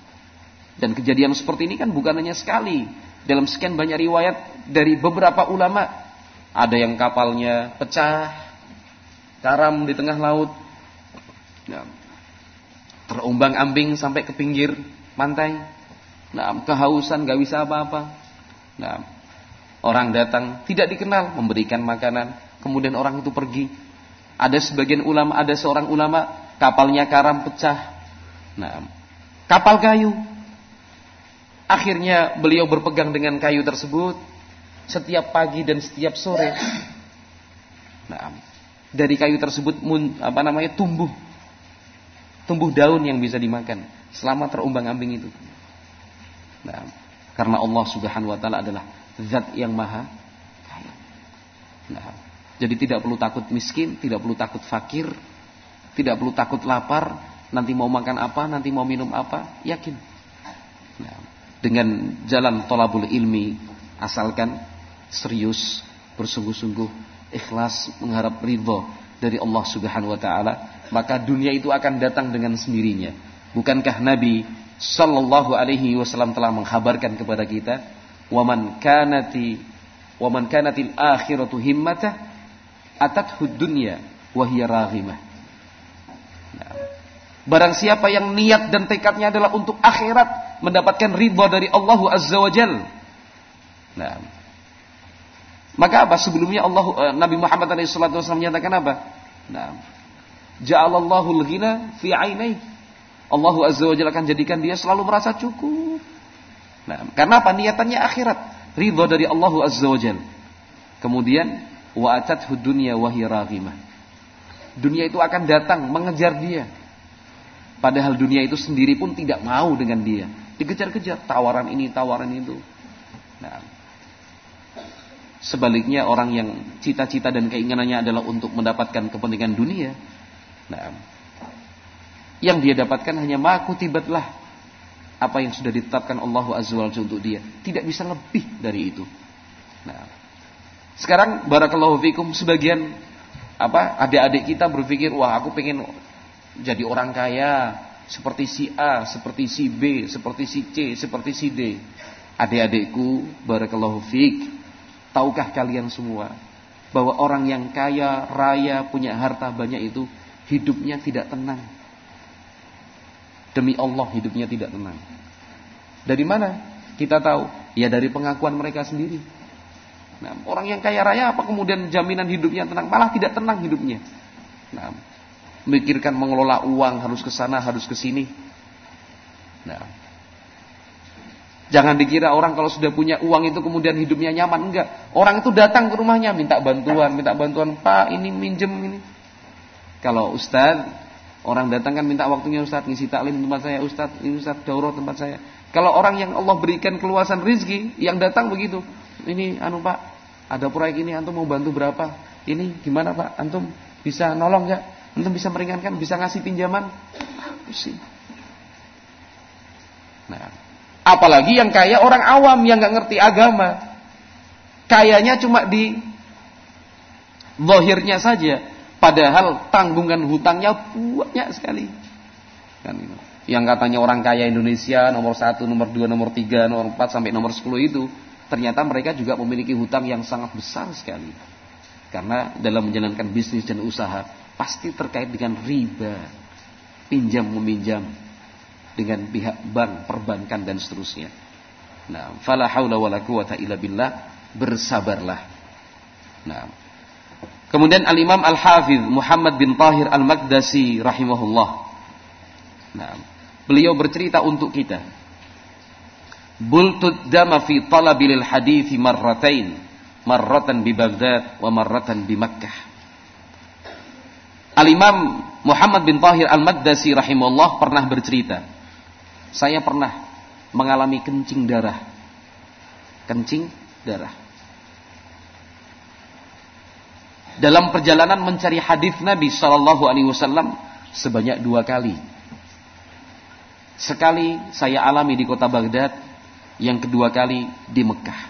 Kenapa sampai kencing darah? Kuntu amshi hafiyan fi safari li talabil ilmi fi shiddatil har wa 'ala ramdha'il muhriqah. Kencing darah itu disebabkan posisi panas terik. Beliau saat itu tidak memiliki biaya untuk membeli alas kaki. Akhirnya berjalan tanpa alas kaki di tengah teriknya matahari di atas pasir panas dan kerikil yang panas. Nah, fa'athara dzalika fi jasadi fabultu daman. Ternyata itu cukup memberikan pengaruh pada kekuatan tubuh sampai kemudian saya pun kencing darah. Wa ma raqibtu dabbatan qat fi talabil hadis illa marratan wahidah. Saya tidak pernah menggunakan kendaraan. Selama usaha mencari hadis Nabi Shallallahu Alaihi Wasallam, kecuali sekali saja. Wa kuntu iman ahmilu kutubi ala dhahri fi athna safari.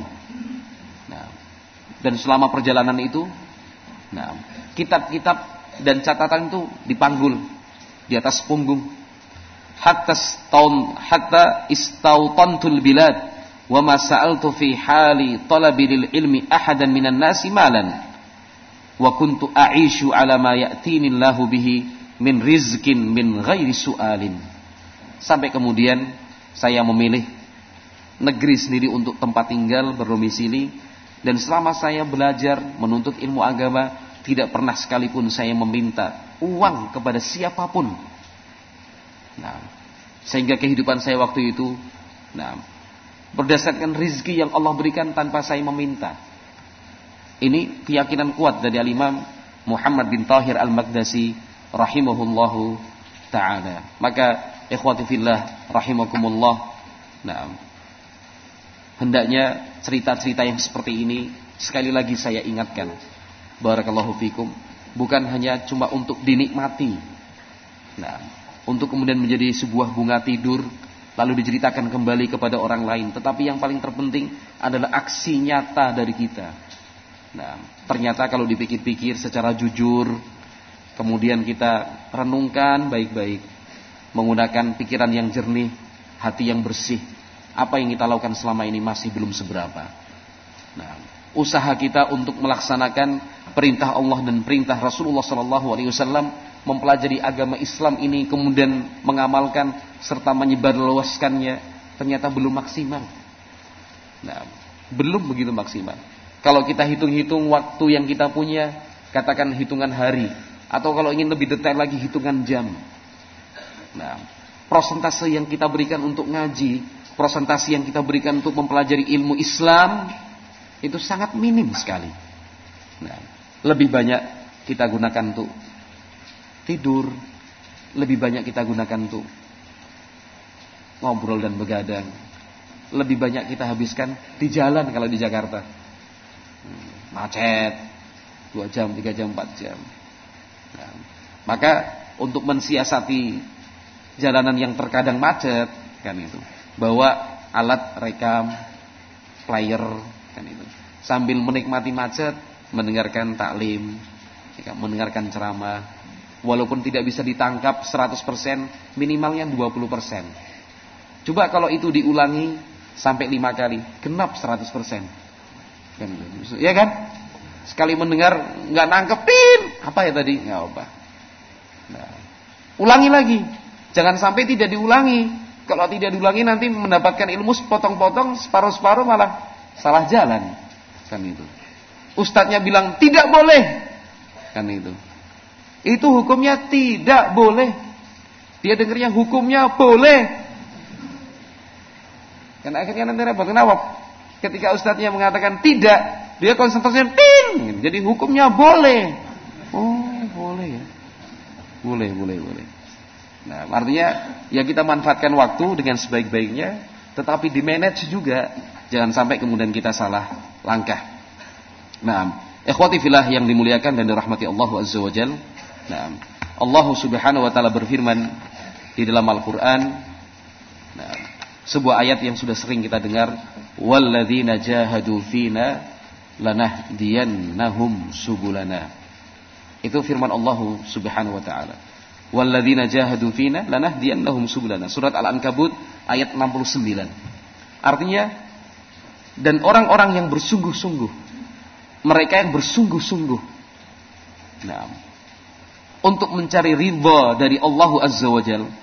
Serius untuk menemukan kebenaran. Serius untuk mencari ilmu. Lanah nahum subulana. Pasti itu Allah Azza wa Jalla yang memastikan. Sungguh-sungguh pasti akan kami tunjukkan untuk mereka jalan-jalan kami. Al-Imam Al-Fudail bin Iyad rahimahullah menafsirkan ayat ini walladzina jahadu fi talabil ilmi lanahdiyannahum subulal amali bihi Al-Imam Al-Fudail bin Iyad rahimahullah menafsirkan ayat di atas tadi dengan menyatakan bahwa orang-orang mereka yang memiliki kesungguhan untuk menuntut ilmu akan diberikan petunjuk oleh Allah Azza wa Jal sehingga mudah untuk mengamalkannya. Nah, jadi terkadang kita, wah saya udah belajar tapi tidak bisa mengamalkan. Cara mengamalkan bagaimana ilmu yang sudah kita dapatkan? Salah satu caranya Barakallahu fikum, sungguh-sungguh serius, ikhlas ketika mencari ilmu. Ketika ilmu yang kita cari itu didasarkan ikhlas, tulus, sungguh-sungguh, serius, nanti akan Allah mudahkan mengamalkannya. Nah, Allah Subhanahu wa taala akan memberikan kemudahan mengamalkannya. Contoh sekarang Imam Ahmad bin Hambal rahimahullah. Imam Ahmad bin Hambal rahimahullah. Beliau adalah profil orang yang sederhana. Bahkan mungkin lebih tepat dikatakan fakir miskin. Ahmad bin Hambal rahimahullah, beliau adalah profil orang yang sederhana, bersahaja. Sampai tadi saya katakan lebih tepat untuk dikatakan fakir miskin. Dari mana beliau bisa mendapatkan emas? Nah, butiran emas besar, sekeping emas.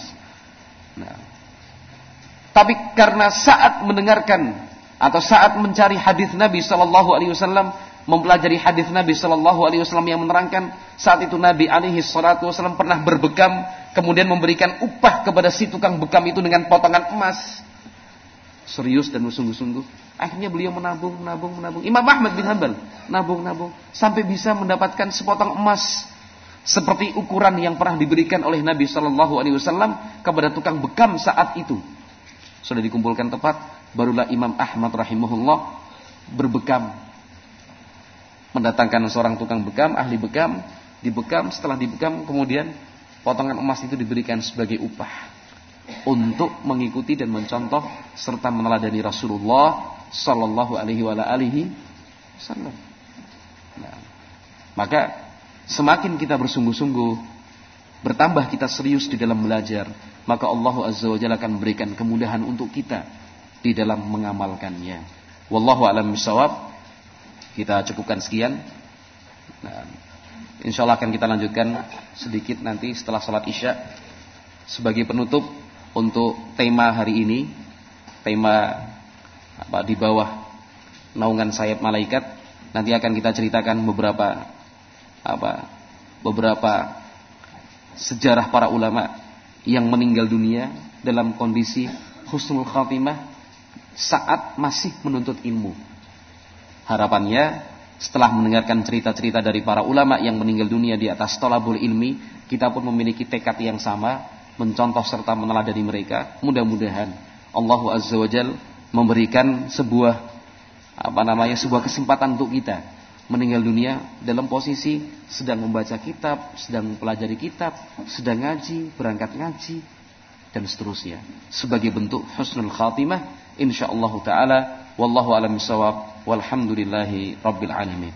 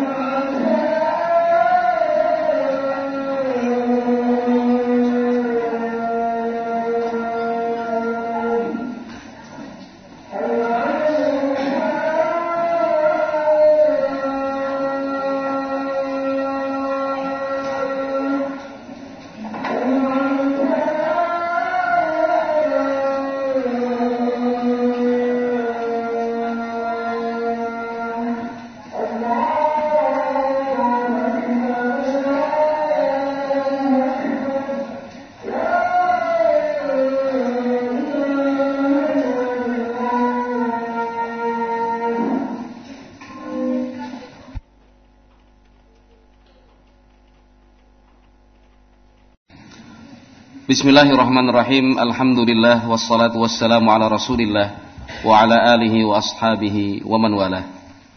Ikhwati fillah rahimakumullah. Walaupun secara apa? rincian tema tidak begitu berurutan, tapi kurang lebih kalau misalkan ingin di apa? tarik e, sebuah tali kesimpulan mulai dari khutbah Jumat tadi sampai malam ini yang perlu ditekankan pertama bahwa masing-masing kita harus mulai menumbuhkan pada dirinya sendiri kesadaran untuk berdakwah sesuai batas kemampuan masing-masing. Nah, sesuai itu poin pertama. Jadi masing-masing kita harus berusaha untuk menumbuhkan kesadaran itu.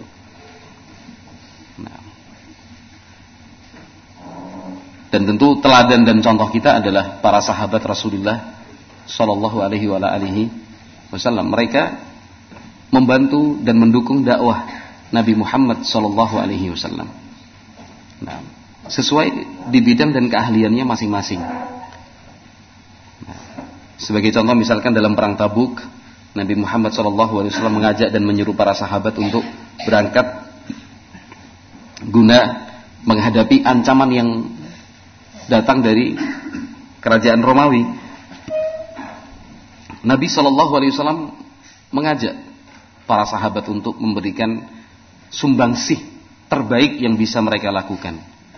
Nah, dalam posisi yang sulit dan berat seperti itu, sahabat Uthman bin Affan radhiyallahu taala yang mendengar seruan dari Nabi Shallallahu alaihi wasallam langsung mengubah 200 ekor onta yang penuh dengan barang apa, barang barang yang akan dijual ke negeri Syam langsung diubah visabilillah.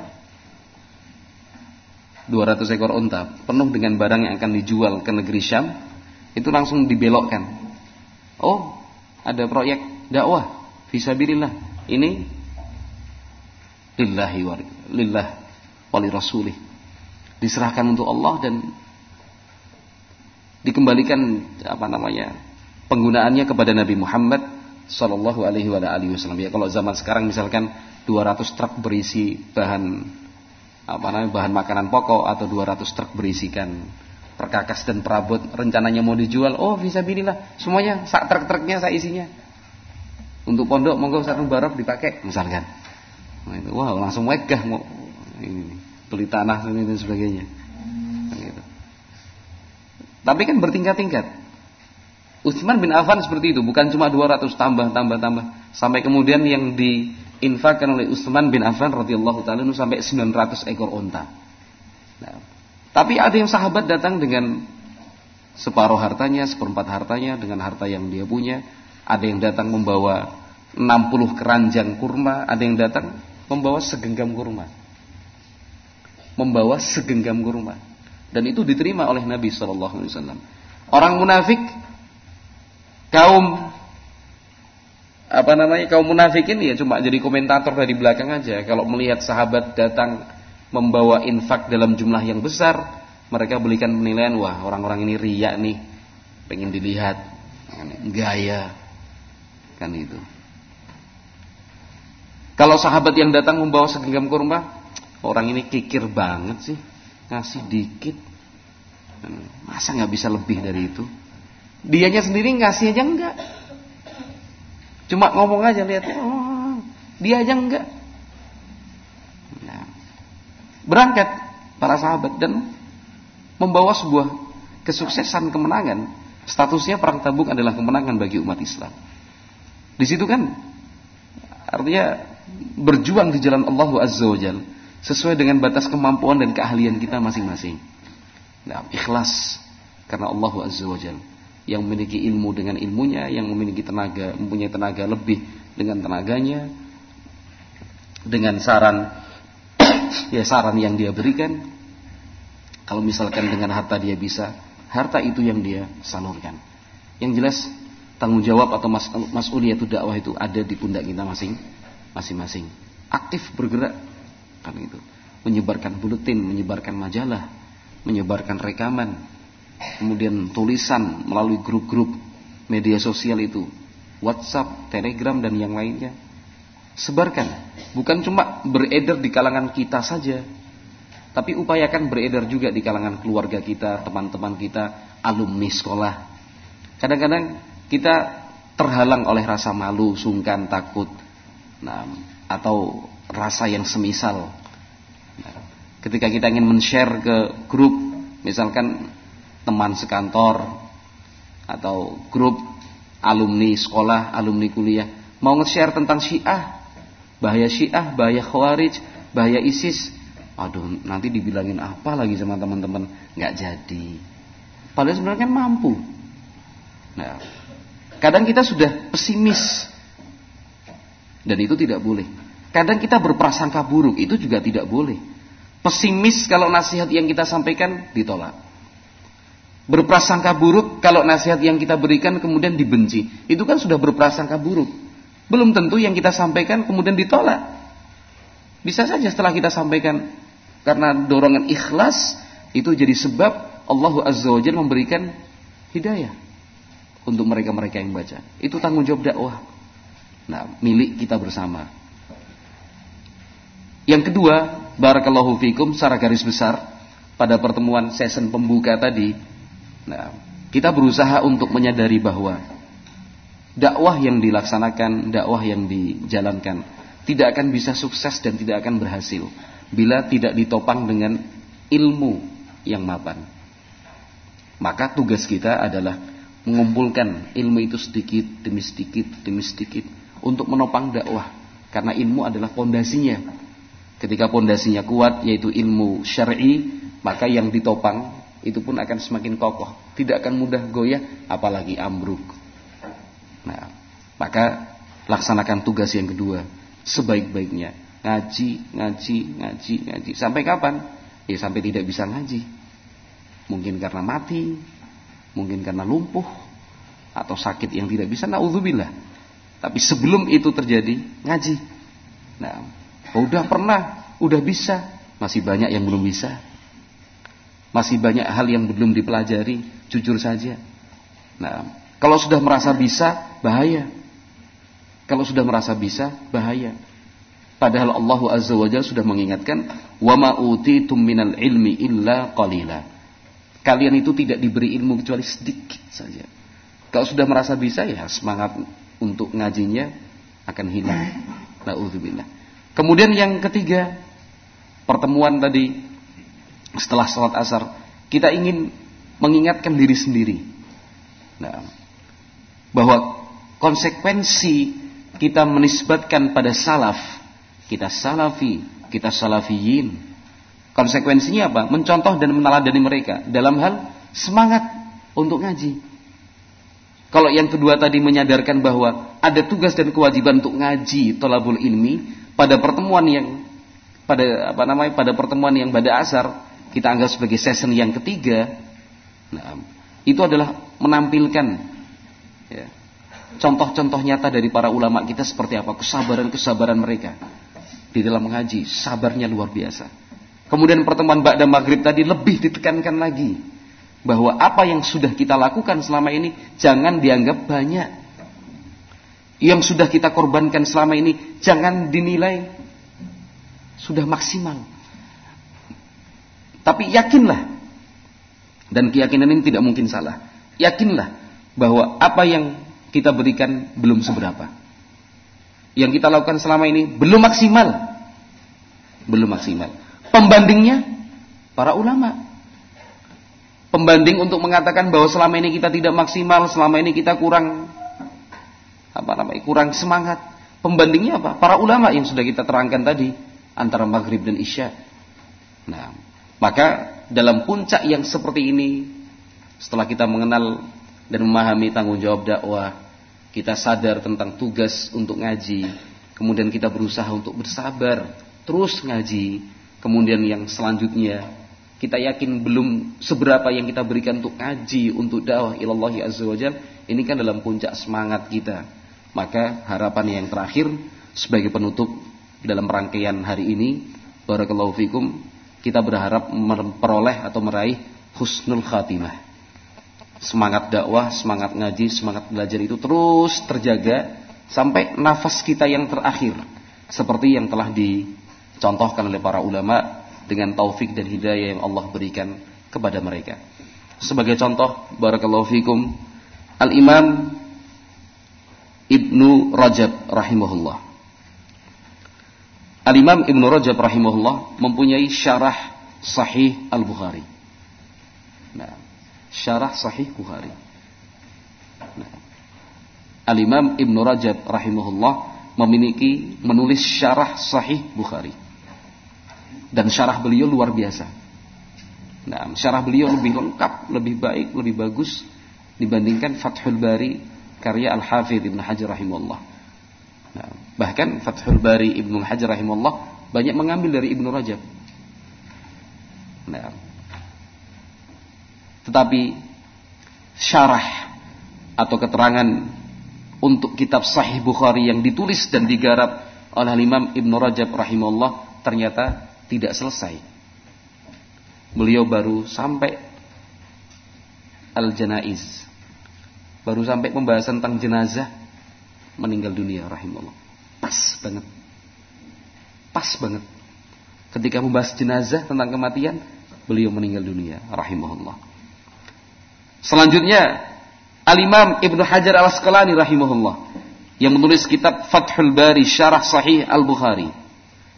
Nah, itu meninggal dunia dalam posisi dalam keadaan sedang membaca ayat Al-Qur'an, salamun qaulan mir rabbir rahim. Nah, salamun qaulan mir rabbir rahim. Salam. Keselamatan, doa-doa keselamatan. Sebagai ucapan dari Allah Rabbir Rahim. Nah, doa-doa malaikat yang ditujukan kepada kaum mukminin meninggal dunia dalam keadaan husnul khatimah. Pas membaca ayat Al-Qur'an, salamun qaulan mir rabbir rahim. Meninggal dunia. Kan husnul khatimah. Nah, husnul khatimah. Itu Ibnu Hajar Al-Asqalani rahimahullah. Syekhul Islam Ibnu Taimiyah. Ahmad bin Abdul Halim. Syekhul Islam Ibnu Taimiyah. Beliau meninggal dunia tepat ketika selesai membaca firman Allah Azza wa Jalla Innal muttaqina fi jannatin wa nahar fi maq'adi sidqin 'inda malikim muqtadir. Pas. Sesungguhnya orang-orang yang bertakwa itu berada dalam surga-surga dan sungai yang mengalir. Di tempat duduk yang penuh dengan ketulusan, kejujuran, kebaikan. Inda malikim muqtadir. Di sisi Allah zat yang maha penguasa lagi maha mampu. Membaca ayat ini pas meninggal dunia. Husnul khatimah. Nah, Al-Imam Ashinqiti rahimahullah. Al-Imam Ashinqiti rahimahullah. Seorang ahli tafsir di zaman ini. Meninggal dunia ketika menafsirkan, beliau kan menulis kitab tafsir. Nah, yang berjudul Adwa'ul Bayan. Dan kitab tafsir Adwa'ul Bayan ini ternyata juga belum selesai. Yang kemudian dilanjutkan oleh muridnya sampai selesai. Beliau menafsirkan menulis tafsir Adwa'ul Bayan sampai firman Allah Azza wa Jal ulaika hizbullah ala inna hizballahi humul muflihun. Mereka adalah tentara-tentara Allah. Ketahuilah sesungguhnya tentara-tentara Allah golongan Allah adalah mereka orang-orang yang selamat dan sukses. Sukses. Meninggal dunia ini khusnul khatimah rahimahullahu taala. Nah Syekh Zaid bin Muhammad bin Hadi Al-Madkhali yang setahun lalu meninggal dunia atau dua tahun yang lalu. Beliau saat meninggal dunia itu sedang mensyarah. Artinya sedang dalam pelajaran dan belum selesai membahas hadis Nabi Shallallahu alaihi wasallam, "Man ahabba liqa Allah, ahabballahu liqa'ah." Sabda Nabi Shallallahu alaihi wasallam barang siapa yang ingin berjumpa dengan Allah, yang ingin dan cinta untuk bertemu kepada Allah, Allah pun cinta untuk bertemu dengannya. Setelah itu, dalam posisi sedang membahas hadis ini, artinya dalam pelajaran itu, beliau meninggal dunia rahimahullah. Nah, Al-Imam Abu Zur'ah sebelumnya lagi, beliau meninggal dunia dalam posisi yasrud sanad hadis wa matnah. Beliau membaca sanad hadis sekaligus dengan matannya man kana man qala la ilaha illallah uh, man kana akhiru kalami la ilaha illallah dakhala al jannah. Barang siapa ucapan terakhir yang dia sampaikan la ilaha illallah ketika meninggal dunia, maka dia akan masuk ke dalam surga setelah itu meninggal dunia. Rahimahullahu taala. Maka kesimpulannya, ikhwati fillah barakallahu fikum, Al-Imam Al-Hafidh Ibnu Abdul Bar rahimahullah menyatakan man mata taliban lil ilmi fahuwa min alamati husnil khatimah li'annahu mata ala ta'atin azimah. Kata Imam Ibnu Abdul Bar rahimahullah barang siapa meninggal dunia dalam posisi dia sedang ngaji masih menuntut ilmu maka itu adalah satu dari tanda-tanda husnul khatimah. Kenapa? Karena dia meninggal dunia dalam ketaatan yang besar sekali yaitu menuntut ilmu agama.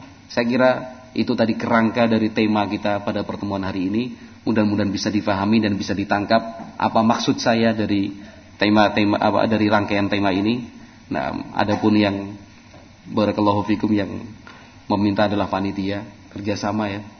Nah, tapi untuk kebaikan kita bersama juga. Wallahu a'lam bishawab. Mudah-mudahan Allah Azza wa memberikan taufik dan hidayah serta kemudahan untuk kita sehingga kelak saat kita meninggal dunia dalam posisi apa? Talabul ilmi dalam posisi sedang berdakwah fi sabilillah. Subhanakallahumma wa bihamdik asyhadu an la ilaha illa anta astaghfiruka wa atubu ilaik. Wassalamualaikum warahmatullahi wabarakatuh.